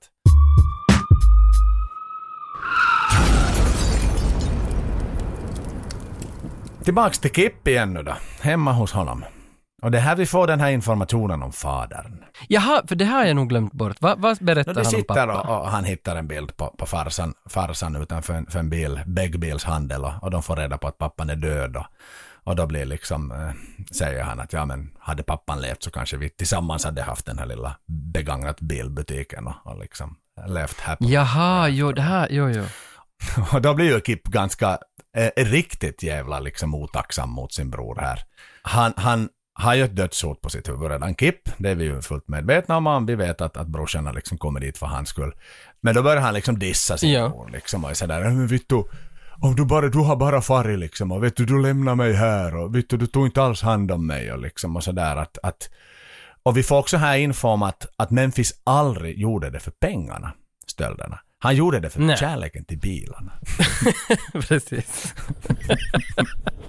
det var bara den lilla brottsgrejen däremellan som han steg över. Också så här, det, ah, men då är det okej. Du älskar bilar så mycket så då är det okej att du bara pöllar dem. Och sen var liksom, precis som speed is a byproduct of racing så är money a byproduct of stealing cars liksom. Att det, det är helt okej liksom. Men det hamnar nu sen där är din ficka bara på ett, tu, tre. Vilket, för någonstans, alltså nu, för nu tänker jag på det, vi pratade om att han var fattig innan. Och han skickar pengar varje månad. Ja. Men jag menar om han aldrig åkte fast och han har snott bilar så att hela den här crime raten droppar med 50% i hela Los Angeles. Så nu må, han måste ju ha Mm. grävt ner pengarna. Alltså han måste ju sitta på så satans mycket cash. Och varifrån hostar han fram jo, 10 jo. ton också som man skulle köpa loss brorsan för av Kalitri. Så det är ju det som är gjort han har ju gömt, han har ju stashat undan stålarna som han har gjort från alla sina tidigare bilstölder innan han la av. Och därför kan han glassa runt som någon sån där go-karts Jo, alltså, han är ju ekonomiskt oberoende. Så nu är han inte så Ja, sympatisk ja, det mer, måste ju vara. Liksom, han har ju en massa stolen blood money liksom på sina händer. Som han bara liksom hivar iväg till sin familj ja. liksom. Och, Ei tunnu missään liksom, vet du. Kasta dricks åt, alltså- liksom alla bara. Och, Den här hela aspekten for, nog mig förbi, men det är ju faktiskt sant allt Ja. vad du säger. Han måste ju vara ekonomiskt Så nu är han inte- Inte kan han inte ens jobba trevlig mera. Memphis. Nu får vi se honom med helt nya ögon. Som en cold-blooded criminal och då- with deep pockets. Och när, han har, när vi träffar honom nu med sina deep pockets, nu samlar de väl ihop gänget då, nu är alla samlade och där vid garaget samlas allihopa.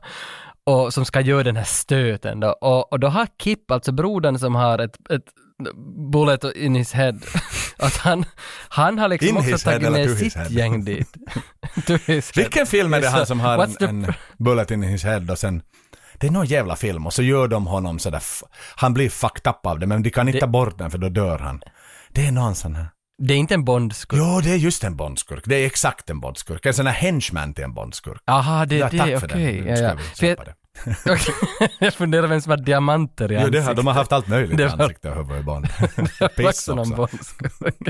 Men Kip har alltså tagit med sig sina kompisar som ska vara med och göra den här boosten och det är någon tech wizard och det är någon, någon som heter Freb som Freb kan order pizzas like no one else. People gotta eat Mhm. right, säger han. Men han är ju förnedrad förstås. Men att det här gänget är ju nog lite coola, det där som Kips kompisar, men det är ju alla huvud kortare än Randall Rains och hans gäng. Alltså bara liksom i fysiska längden är det ju mindre personer. Men det är ser man yngre. liksom. Det är, det är nog snyggt upplagt. De är yngre också. Det är ju som, det är ju sån där TikTok-generation. Exakt, electronics expert, IT expert och sen var det någon till då. Och sen ska det ju ytterligare sägas där Mm. att Kip har ju liksom inte släppt sin, sin greed. Men nu är den ju fullt legitim, hans greed. För han vet att brorsan har pengar och Kip har inga pengar. Det visste han redan och det, det liksom klarade vi ut just. Så han, han, han vill ju vara med men medan Memphis säger så här, hej Vittu du, har, du ska inte göra någonting, du, du ska bara sitta stilla så sköter vi det här.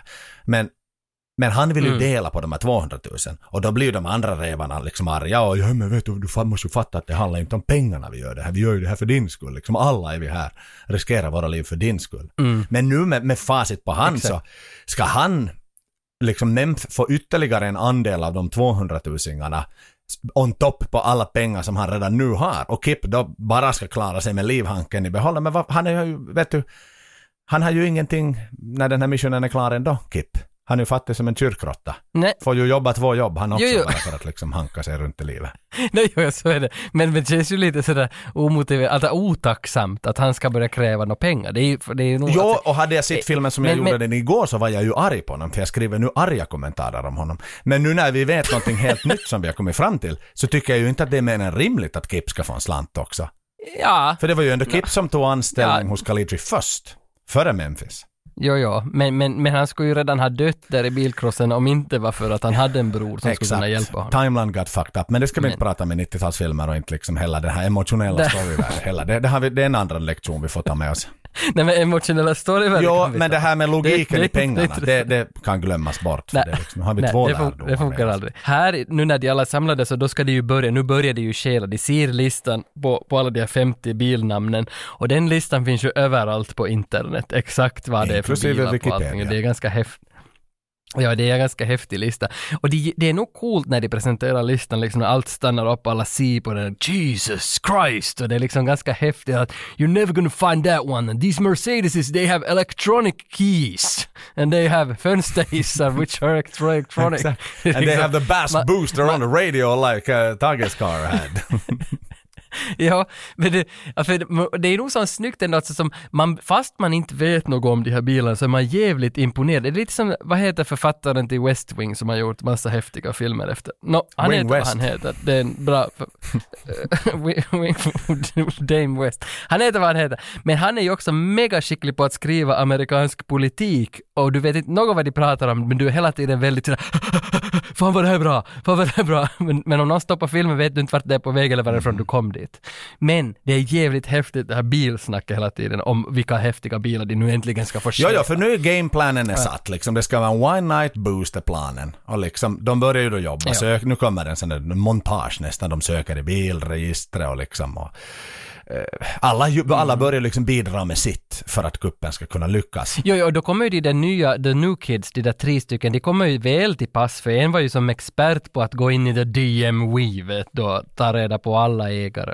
Sen går vi till en exklusiv bilbutik. Jo, är inte här nu då som Nicolas Cage klär ut sig till en Ferrari-köpare? Ja, en rik människa. Mm.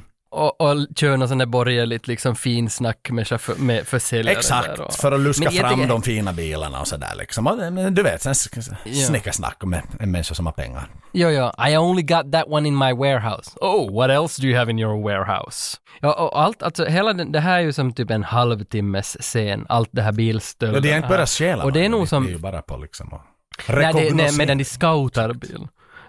Och det här, den här, det är ju också Fifa-musik under den här, om det kanske nu, det, det är nu som det är Stop the Rock, Ja. jag vet inte. Men, men, men det är ju nog filmens liksom, tycker jag, höjdpunkt egentligen. Den är ju inte så actionig den här filmen, men alltså den, den är väldigt, den, den rullar fram som en eh, Shelby GT 500 just Det är nu. snabba, liksom. be- Att alltså det är nog- intressanta sevärda scener.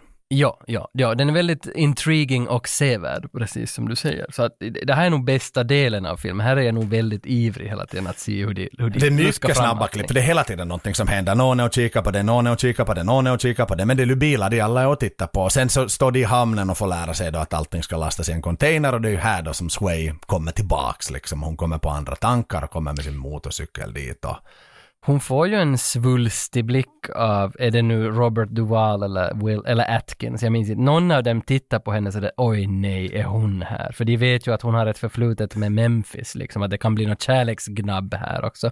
Men de spinner aldrig riktigt vidare i filmen på det här att de har gjort slut tidigare, för det har de säkert gjort liksom. Att de spinner inte så hårt vidare på det. Här skulle det ha funnits en till drama, liksom nöt att dra Ja, exakt. Det håller jag faktiskt med om ju att de hade kunnat spela mera på det. Men, men klart, filmen är bara två timmar lång så inte hinner de med sånt inte. Det ska vara mycket, mycket godis för de här petrolheads i Vasa. Som häl, hä, hängde på S och fladdan. Liksom det är de som ska ha smaskiga bitar här. Det slutar väl med att Memphis träffar nu då Eleanor. Eleanor är den här bilen som han har, liksom, han har en historia med, den Shelby GT 500, en sån där som blev jättepopulär efter filmen Exakt. också. Att det gick, försäljningen och, och gick alla, taket. alla har tjejnamn. Vet du varför de har tjejnamn, alla bilar? Det minns jag inte vad det Jag minns att någon ska sa vilja, det. så att ifall de, kan inte säga liksom produktnamnet, de kan inte säga en Ford Fiesta 500 i radion för då får de liksom, hej vänta nu, de talar om det här. Så därför är det liksom sådär, det är codename som i knark eller vilken annan business som helst. Så pratar man om. The package is Mm. out of the woods liksom, fast man pratar om att en människa springer ut. Ja. Linda, Jenny and Eleanor just got Så in. att det är code Så words helt enkelt. Mm. Sen är det tillbaks i garaget och då kommer den här People Gotta Eat Right, den där Freb och hans, de här ungdomarna, de har stjält någon Ja, knarkbil. de plockade en bil som inte var på listan. Ja, jag förstår inte varför skulle de ha gjort det. De, inte skulle de nu vara så vårdslösa att de skulle, men Jag de tror de vill imponera var på de stora De- gamla grabbarna. Mm, ja.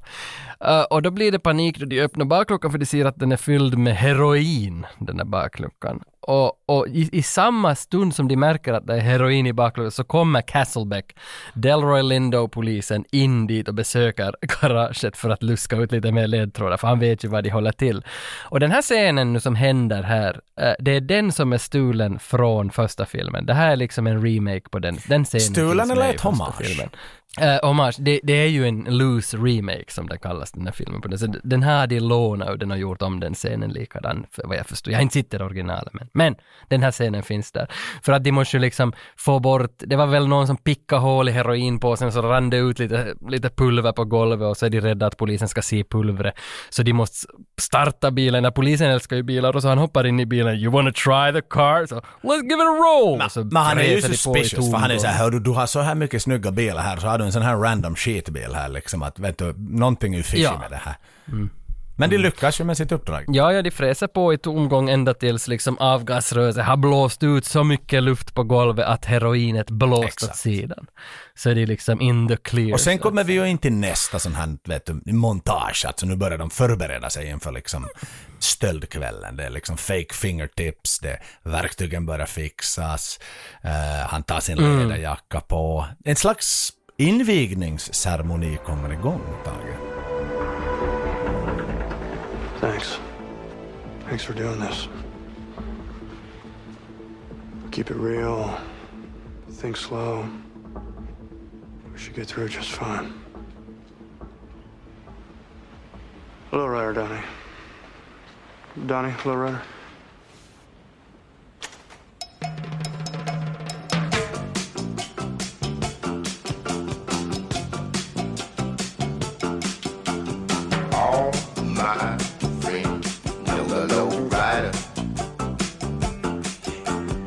The low rider is a little higher.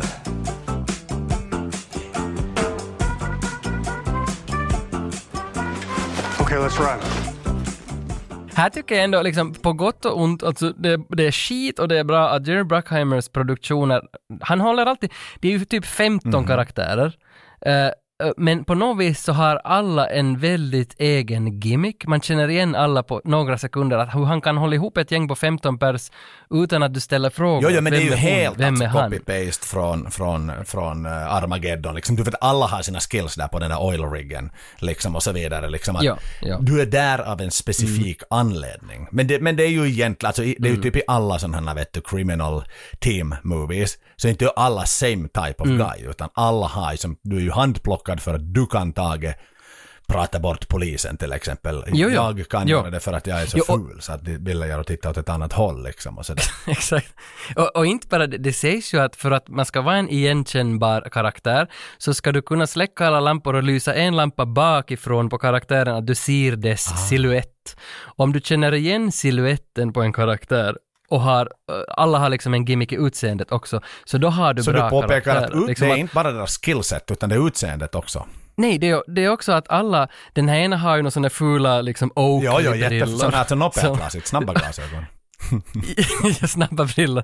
Den ena har rastor, den ena har någon hatt av något slag, den ena är jävligt fet. Alltså att alla har någon slags yttre attribut som påverkar hur vi ser på dem utifrån. Och det, jag tycker det, det här lyckas Bruckheimer alltid med på något vis. För om du tänker att du släcker alla lampor och tänder ljuset bak på exempelvis någon sån här Edward Scissorhands, så känner du igen honom direkt på fingrarna liksom, att det måste ju vara han. Och Jack Sparrow liksom, att det finns alltid någon gimmick. Och det är Bruckheimer-filmer bra på. Men samtidigt så har han för många karaktärer här så ingen blir ju liksom intressant ändå. Men det, men det är lätt att urskilja, så att säga.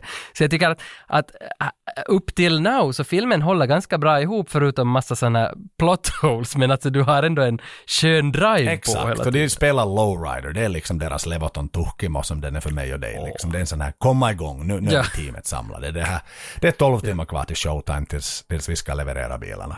Nu, get the Exakt. fucking work. Mm. Mm. Mm. Vad börjar de först? Storlagret först börjar tömmas, alla springer mer eller mindre in dit och de plockar liksom Ferrarin så de bara sjunger om det. Polisen får vi lära oss är ute på spaningsuppdrag. De liksom håller lite koll här och var. Ligger utanför ett hus. Uh, och, och då när de ska ta en av de här, är det nu en Mercedes så då måste ju Nicolas Cage, han märker att något är fel för att någon polis sk- stakeout-van är parkerad på ett annat ställe än vad den var igår, som han märkte med sitt Exakt, och- högöga. men det här är så du, nu börjar de, de ska ta 50 bilar så nu måste de liksom snabbt filma när bilar bara snos och ibland går det bra, ibland går det inte så bra, det händer lite humoristiska saker och Men, men jag gillar det där liksom, då han, han ringer ju upp då till Dani, han är på, mm, är det nu liksom bilskole... Läraren, exakt. Läraren. Att the ladies are dirty. The ladies are jag dirty. Ja, the ladies are dirty. Det tycker jag nog är en snygg saying ändå. Liksom. Ladies are dirty, oh right! Och sen så, så slimmar han sig denna Dani ur med en saftig dialog. This ain't even my car, my, my baby's Exakt, having a ja, ja, birthday. my, my Nej, wife's having a baby. But also technically a birthday because she's having a baby.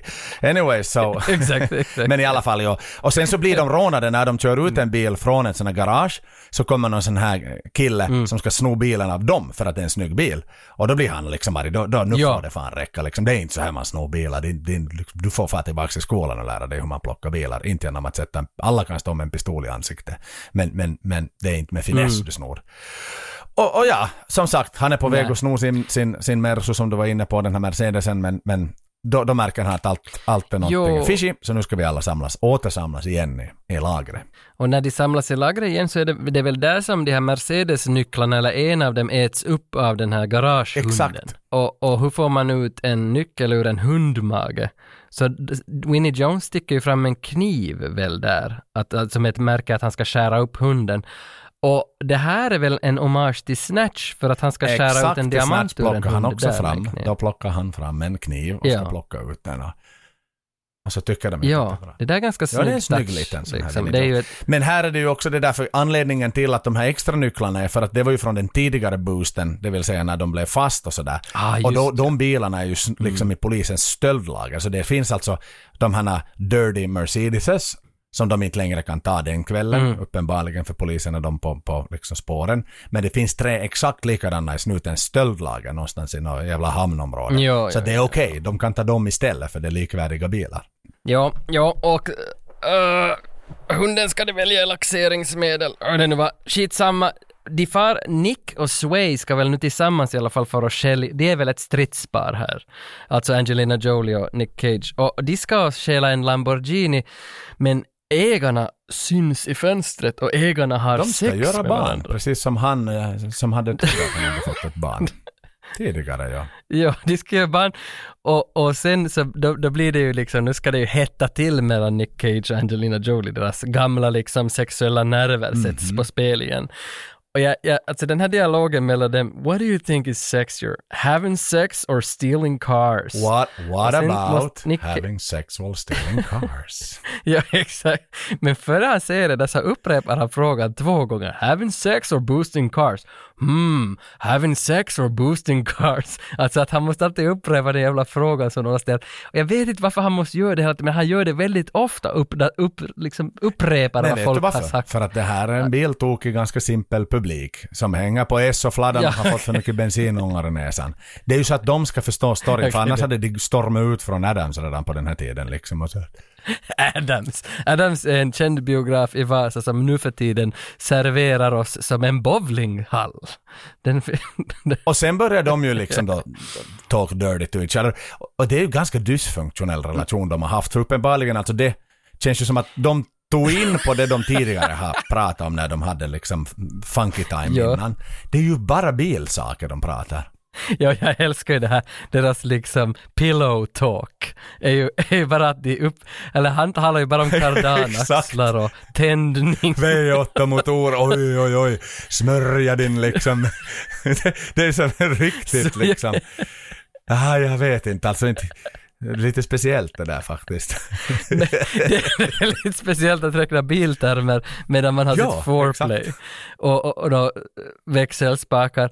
Men, men jag tycker här, här är ju som här, här framstår ju som våld och brottslighet eller laglöshet är ju framställs som någonting väldigt Mm. sexigt. Att det är väldigt sex, sex, men så har det ju alltid varit det tobak, våld och sex som är det som säljer och det är det de kör med Alltså det är nog glorifiering av kriminalitet det här i allra högsta grad. Jo, jo, jo. Och också av unga nakna kvinnokroppar. Men det, de fan alltså, det, här, det, alltså det här är ju fortfarande in på 90-talet om du tänker. Den här är gjord på 99 och kom ut Ja. i juni 2000. Och, och vi kan ta ett annat avsnitt när vi går in på det där men alltså filmer, musikvideon, allting, Britney och så vidare. Alltså fy fan vad det var, vad 90-talet var ganska sunkigt med hur man liksom just kvinnokroppar och sådär. Jo, jo, men det, det är ju fortfarande nog, men på ett lite smakfullare sätt, men det är ju ännu sex och våld som säljer. Och ännu ja. Men, men och där kanske sådär att egentligen då Angelina då eller, eller uh, Sway så är ju ändå en hyfsat Mm. självständig kvinna i den här rollen. Ja. Hon jo, är jo, ju inte det någon sån här det är vet du, fanboy Men- till Memphis som skulle göra vad som helst för att få tillbaka honom. Nej, nej, hon refuserar ju hans förslag Exakt, till det samlag. är hon som dissar för att, här Alltså, titta nu är de klara där inne, nu har de liksom hoppat i säng och dragit ner draperierna, äntligen Ja. får vi göra vårt jobb. Men det vad jag tycker om med den här scenen att, att de klipper ut till de här två som är inne i lägenheten och visar deras foreplay som sexscen till Angelina och Nick. Och jag tycker det är ganska snygg touch på det där, de visar inte att de här två stjärnorna har sex, utan det är ett helt annat par, men man tolkar det som att ah, så där går det också Ja, till i ja, men bilen. du har helt rätt. Det är faktiskt så, så det är lite... Det är Men what the hell, de tar den och de åker iväg med lambon, helt enkelt. Ja, ja, ja, ja, ja. Hin- Hunden skitar ut nycklarna och Mersorna far de och stjäl från polisstationen. Och nu är det bara lite snabbt tillbaks och till, polisstationen, för nu får de ju reda på, nu sitter ju, sitter ju våra kära poliskonstaplar här, Drykoff och Castleback och, och bläddrar in och files där. Och så in i något jävla förhörsrum och så kommer det en annan snut in och är sur som satan på dem. Han Mm. säger att hörru, Kalitri, han, vi, har, vi har span på honom för mord. Vi skiter fullständigt i era jävla bilstölder just nu och ni ska verkligen inte blanda er i Kalitri. För att vi kommer att sy dit honom för ett mycket, mycket grövre brott. Så håll er borta från det här och håll er borta från allt med Kalitri. Ja, så att det ska, också ska bli något mera drama mellan några andra Exakt. parter i filmen. Det är nog, alltså det är nog, det är nog en soppa nu av allt möjligt och det, det håller inte riktigt ihop. Men, men idén Idén är är där, hunden skiter ut nycklarna. Ja, ja, och så far de till polisstationen med de där nycklarna, eller till polisens impound. Och det är en lite och rolig scen med han som upp, upprätthåller vakten liksom och har någon docka där som man liksom ska skoja. Det är lite Ja. roja på läpparna faktiskt, kan jag säga där. Eh, sen, är det no, sen fattar inte jag riktigt, någon skrev ett brev till polisen sen att, att det finns glaskärvor på garagegolvet. liksom. Från Ah, det var det CSI skrev att hej, det här kommer från UV. Från CSI, Och så skickar de med en UV. jo, Och så far de ju Ah. dit och fortsatt. Mm, Och så- vänta nu, vad har hänt här? Ah ja. jo, what is a UV like doing Exakt. in garage? Och så far de dit och, lyser, they have to have the old citrontrick on the walls. Och så far Och så får du ju lyser en massa bilar, för det är ju samma bilar, 50 bilar på den listan som det är på den nya listan som de ska sno. Och då börjar du liksom, hej, tänka, Mm. här finns ju ganska, hej, finns den där Eleanor? Oho, det är ju den som han kommer att sno sist. Jo, men hur fan kan de veta det Men att för det är den de han tror jag vet, för sist? han har ju snott den försökt sno den tidigare så många gånger, Memphis. Det är ju hans favoritbil, det är ju hans baby. Men han, Drykoff frågade här, why? Because Memphis is afraid of that car. Någon sån där. Och det vet han av någon jävla anledning. Och äntligen kommer vi in i någonting som blir spännande. Polisen har koll på Eleanor och det vet ju också Memphis, för han ska fara och hämta den nu. Och då börjar en motherfucking car chase. Ja, för nu, alltså Eleanor ska köra iväg från snuten för snuten märker att nu far han iväg med det. Men det här är ju nog en lite antiklimax car chase för den är ju nog kort. Den är ju bara några minuter, men den är ju cool. Men att, att jämföra med film nummer ett från 74, där lär car chasen varit 40 minuter. Och, och här är Jo, den jo, två. och här är, liksom. den har ju blivit kritiserad för att den är lite fantasilös. Han kör ju en sån här water sewer, du vet, som i Grease och Terminator 2 och sådär. Och sen så har Ja, den en, en ja. den har ju en nitro-knapp bilen. ja, men, men de behövde, de behövde knappen, de behövde den här helikoptern och hela den där water sewer-scenen för Ja. trailern. För den är ju överanvänd i trailern, den är ju så snygg. Och där kommer ju den repliken också, 160, 170, 180, he's gone.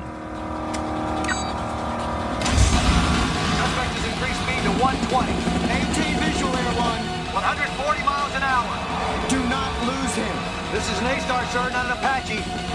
150. 160. He's gone. God! Man, this guy can drive. What? What? It's probably mostly the car. Och det, alltså det är en snygg scen, det är ju den här som säljer filmen eller när han kör undan polisen i den här. Och det, jag tycker om scenen men den är lite sådär, lite kort. Jag skulle vilja haft mycket, lite för billig kanske. Man skulle vilja haft mer av det här och mindre av det där Och snacket nu i kommer filmens djupaste snack, för nu är vi på sjukhuset. Nu har det ju liksom fört äh, den här skjutna till en private Jo. doctor. De kunde inte föra honom till ett sjukhus för då ska han ju bli fast och sådär.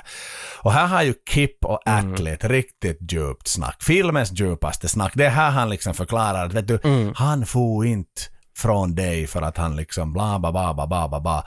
Vilken hjälte ändå han är Memphis. Han gjorde allt för Kip. Han lämnade liksom allt bakom sig bara så att ni skulle liksom kunna leva i harmoni och jag skickar pengar åt er. Och så fan far du börjar bli en booster Jo. också liksom att vet du He's a true hero. Men nu vet vi ju med facit på hand Jo. att han inte är en true hero. Memphis. Nej precis. Men det var, ju, det var ju Memphis och Kips mamma som hade jagat bort Memphis från stan. Och det fick inte Kip veta om, utan hon sa bara att du måste fara för att din lillebror kommer att vilja gå i din storebrors fötter. Och, och, och, det visste inte Kip om, så nu blir Kip lite rörd att vad är det på det sättet? Holy Ja. moly! Nu, nu Att ramlar äntligen vad han är kivad polletten min bror. hos, hos honom. Brödrakärleken. Och det här är väl filmens egentliga enda sån där moment, när allt lugnar ner. man- Tillbaks till biljakten. Mm. Memphis sitter och trycker i en gränd, men då blir han ju påkommen av några polisbilar där och så blir det en massa jakt i ett hamnområde och tiden börjar ta slut för det kommer en sån där eh, 24-klocka som tickar neråt. Och det blir då sen, vet du, de jagar runt där och de kör och det är en polisbil som far igenom någon jävla cementvägg och grejer. Vill du fylla i någonting eller liksom ska vi bara... Nej, bara egentligen att den här scenen slutar ju med det där stora jumpet då när, när han ska hoppa över alla bilar. För att det är ju en roadblock, det är någon, exakt, någon olycka som bilkrock har som har varit mitt på... Ja, på den där bron var Tony Scott hoppar ner. Det är just den där bron, Vincent Och där är ju den Bridge, bilbärgaren så står med liksom rampen nere för att den ska boxera upp den där bilen som har varit i olyckan och då tänker han att Mm. one shot, one opportunity, som Eminem tänkte han. Och så, Mm. Seize everything you ever wanted, just let it slip. Yo, these palms are heavy, nej sweaty, wet. knees weak, arms are heavy already, mom's spaghetti. drop bombs. Vad du säkert det. Ja. Bra låt. Eh, klockan klämtar. Vad är det för sportreportage vi har kommit in i? Ja men det här är ju sån här liksom, vad ska man nu 85, prata? 95. Så kör han förbi tre stycken Ford Escort och så stannar han och gör en nitbroms och drar med kassaren till höger. Alltså det, vi har ju inte en bilpodd liksom. Nej, Det är ju egentligen ointressant för oss. Men klockan har ju klämtat färdigt. Och, och nu ska, nu ska rättvisan Jo, jo, ske han är för sen. värld. Det är 49 bil- bilar, det är en för lite hördu. Sorry nu pojk bara. Det, ja, och den som kom nu var lite kraschad och den var 12 minuter och han för försöker rescue där. Jo men lite vet du paint job och shit så får du nog ordning på den här. En liten spegelbyte och sådär. Möte är ju där på skrotgården och Exakt. förhandling ska ju ske men, men Mm. inte till Memphis fördel helt enkelt. För att han accepterar inte liksom tiden och Nej. vet du vad, fuck it liksom. Nu får det vara. Göra ram med den här bilen, skrota den. Mm. Skrota bilen och så ska han döda Memphis och Kip. Han ska väl döda Ja, men han alla. har ändå liksom fått eh, 49 bilar liksom. Det, det är helt fine. No, But my customer wanted 50 Ja, men liksom. Ja, ja okej, men vi tog- säg att den ramlar av båten då eller någonting. eller någonting sånt. Och polisen kommer ju dit. Mm. Ja, alltså allt, det här är ju egentligen bossfighten för han drar väl ut Nicolas Cage ut på, på vidden och så ska de skjuta honom men så, så dyker Kip upp då han har kommit bort från sjukhuset och satt sig i någon sån där bulldozer-grej som svingar Och det som är spännande här är att Mem får frågan, vill du ha den i huvudet eller vill du ha den i bröstet? Och Mem säger att jag vill ha Mm. den i, i bröstet. Men ändå är han så, så na, liksom, han är så natsig den här liksom arga gubben, så han siktar mot huvudet. Så han liksom, och det tycker Ja, jag ja, då, liksom, ja, det, det är mm, lite mm. fult. Han ska ändå avrätta någon och sen så vill han inte ens att du condemn the last man's wishes på något sätt utan att han... Men då kommer ju och, och Akip. Ja, ja, för de räddas ju ur situationen och här är ju också en till story att Atlee har ju varit en del av liksom Ja. Carpenters gäng och blackmailat honom, eller som varit under hans radar, eller visst. Alltså det är så, varför måste de också göra en story av att Atlee har tillhört Exakt. Carpenters gäng och har varit en pålitlig kille som nu har kunnat För han liksom kommer ju ut alltså liksom då när han står med vapnet mot, mot Memphis liksom ska säga lura Ja. vänta, vänta nu, Khalid vill prata med er, Khalid vill prata med er, att liksom försöka köpa tid och stall the situation egentligen. Och, och det är då just som, som Mm. sagt som, som de här goonserna får vad de förtjänar. Han kommer med en sån där bilskrotskran, Kip då, som sitter i, i kranen och Mm. liksom vi, viftar bort dem helt enkelt så att de liksom får, får den i huvudet. Som Mm. i Jönssonligan. Biffen får den där jävla sickan i Jönssonligan, den där cementklossen.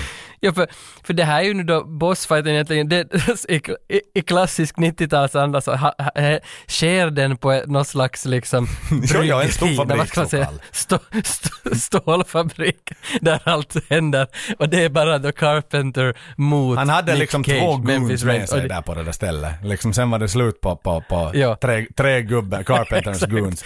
Och, och Memf börjar med att förstöra trämöbler liksom och det sätter ju Kalitri så i helvete ur balans det där liksom. Han blir ju helt liksom bara nej, nej, sluta, sluta, svajar ju liksom bara bakåt som att hade han, hade han istället för att ha slutat bara slagit till tre stycken stolar till så hade han lagt sig ner och gråtit liksom Kalitri. Det är ju det intrycket man får. Ja, ja. Men han slutar liksom. Exakt. Ja men det känns som att det är väldigt svag. En svag Jätte, men bossfight han kommer ju med, med, med pistolen. Han plockar ju fram en pistol sen. Eh, och då kommer Ja, polisen ja. in i lokalen, för de trotsar ju det här mordrotelns liksom hinder att de inte får fara dit och, och blanda sig i Ja. Calitri. Och då blir det en katt och råttalek i Mm. den där industrilokalen och alla jagar alla. Och det slutar väl med att eh, Calitri vill skjuta Castleback, han öppnar eld mot Castleback. Ja, precis, eh, mot polisen, ja, precis, ja, bort med polisen och sen så räddas polisen av Nicolas Cage. Exakt, för han står med honom liksom, han har vet du, pistolen direkt i, i Castlebacks eh, face, ansikte.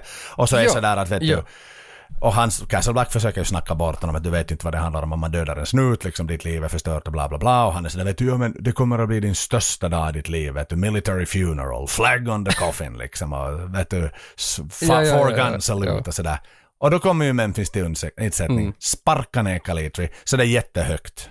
För de har sprungit så högt upp de bara kan Mm. i den där industribryggeriet förstås. Förstås, man ska alltid reach for it. Det är sån där Batman 1 vet du. Det, det ska högst upp i katedralen innan det kan avslutas. Och så ramlar väl då alltså eh, Kalitri ramlar ner över räcket där i tumultet och landar i sin handgjorda liksom kista som var längst Såklart. ner i grottan. Just i Så den han fick ändå användning för det, vilket gläder Så- mig så här på senare tid. Ja, ja. ja Jag kan ja, i efterhand ja. uppskatta det. Men, men polisen nu då, som har upplevt de här två timmarna tillsammans med Memphis Reigns, så säger ju nu åt Memphis att nu förstår jag varför du förstörde hela din stad liksom med en sån här vansinnesfärd som du gjorde. För brödrakärlek är alltid Ja, han har brödrakärlek. ett moraliskt dilemma. Here I am smack dab in the middle of a moral dilemma, Randall. You've torn this town to shreds with that little escapade of yours, you and your Eleanor. But I understand what brought you back here. Brother's love is a brother's love. You saved my life, didn't you? So what am I gonna do? It's your call, Detective. Get out of here, Randall. I'll clean this up. Go, Randall, before I change my mind. Go. Så ger eh, Memphis då honom adressen till, till den här Pier 14 till alla stulna bilar. Han säger liksom att ni, ni kanske vill fara Ja, på den här ja, ja. båten. Lite Ja, ja. Sådär. Att han är ändå schysst liksom att vet du, det ska inte segla Mm. iväg ett skepp med 49 bilar nu när det inte de har någon liksom säljare något mera. Och sen, sen är det väl slut, sen grillar de allesammans. Men sen så blir Sway också jätteglad för att Memphis säger att ska vi få på en liten ride med Eleanor så kan vi få pippa. Och så blir hon jätteglad och så hoppar de i bilen och kör därifrån. Nå, alltså jag, jag håller egentligen med IMDB på något vis. Alltså IMDB har gett betyget till den här nu, vad sa du, 6,3 eller liknande. Och det, det jag tror det var 6,2 eller 6,3 ungefär. Mm, faktiskt.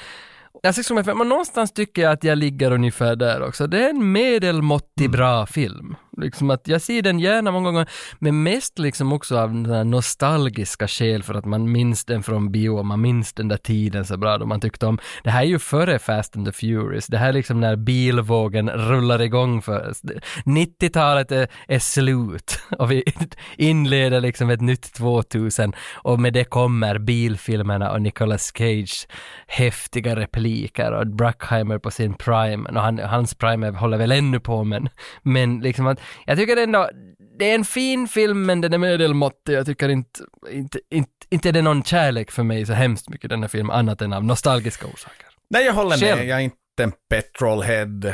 Det är klart biljakter är alltid roliga att titta på, men hela det här liksom nördandet kring de 50 bilarna, wow, Eleanor, Shelby 500, liksom, det, det ger mig inget emotionellt värde överhuvudtaget i sig. Och som du sa, alltså, det är ganska korta storyn med skådespelarna, man lär aldrig riktigt känna dem och inte lär man ju egentligen känna Memphis Reigns med tanke på att den djupaste scenen, scenen inte ens skedde med Memphis i huvudrollen heller.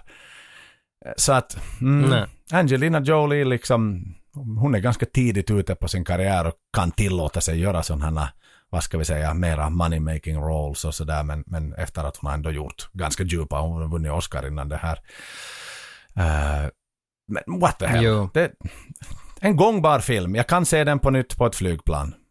Jo, jo, och, och den, den är ju lättsmält. Det är roliga karaktärer, men den saknar ju på något vis just det där att ingen karaktär och ing, ingen story här är så hemskt liksom rörande. Man blir aldrig rörd av den här filmen annat än att, att uppeggad liksom. Ja. att Och- någonting och- är fel eller att bilar går hårt.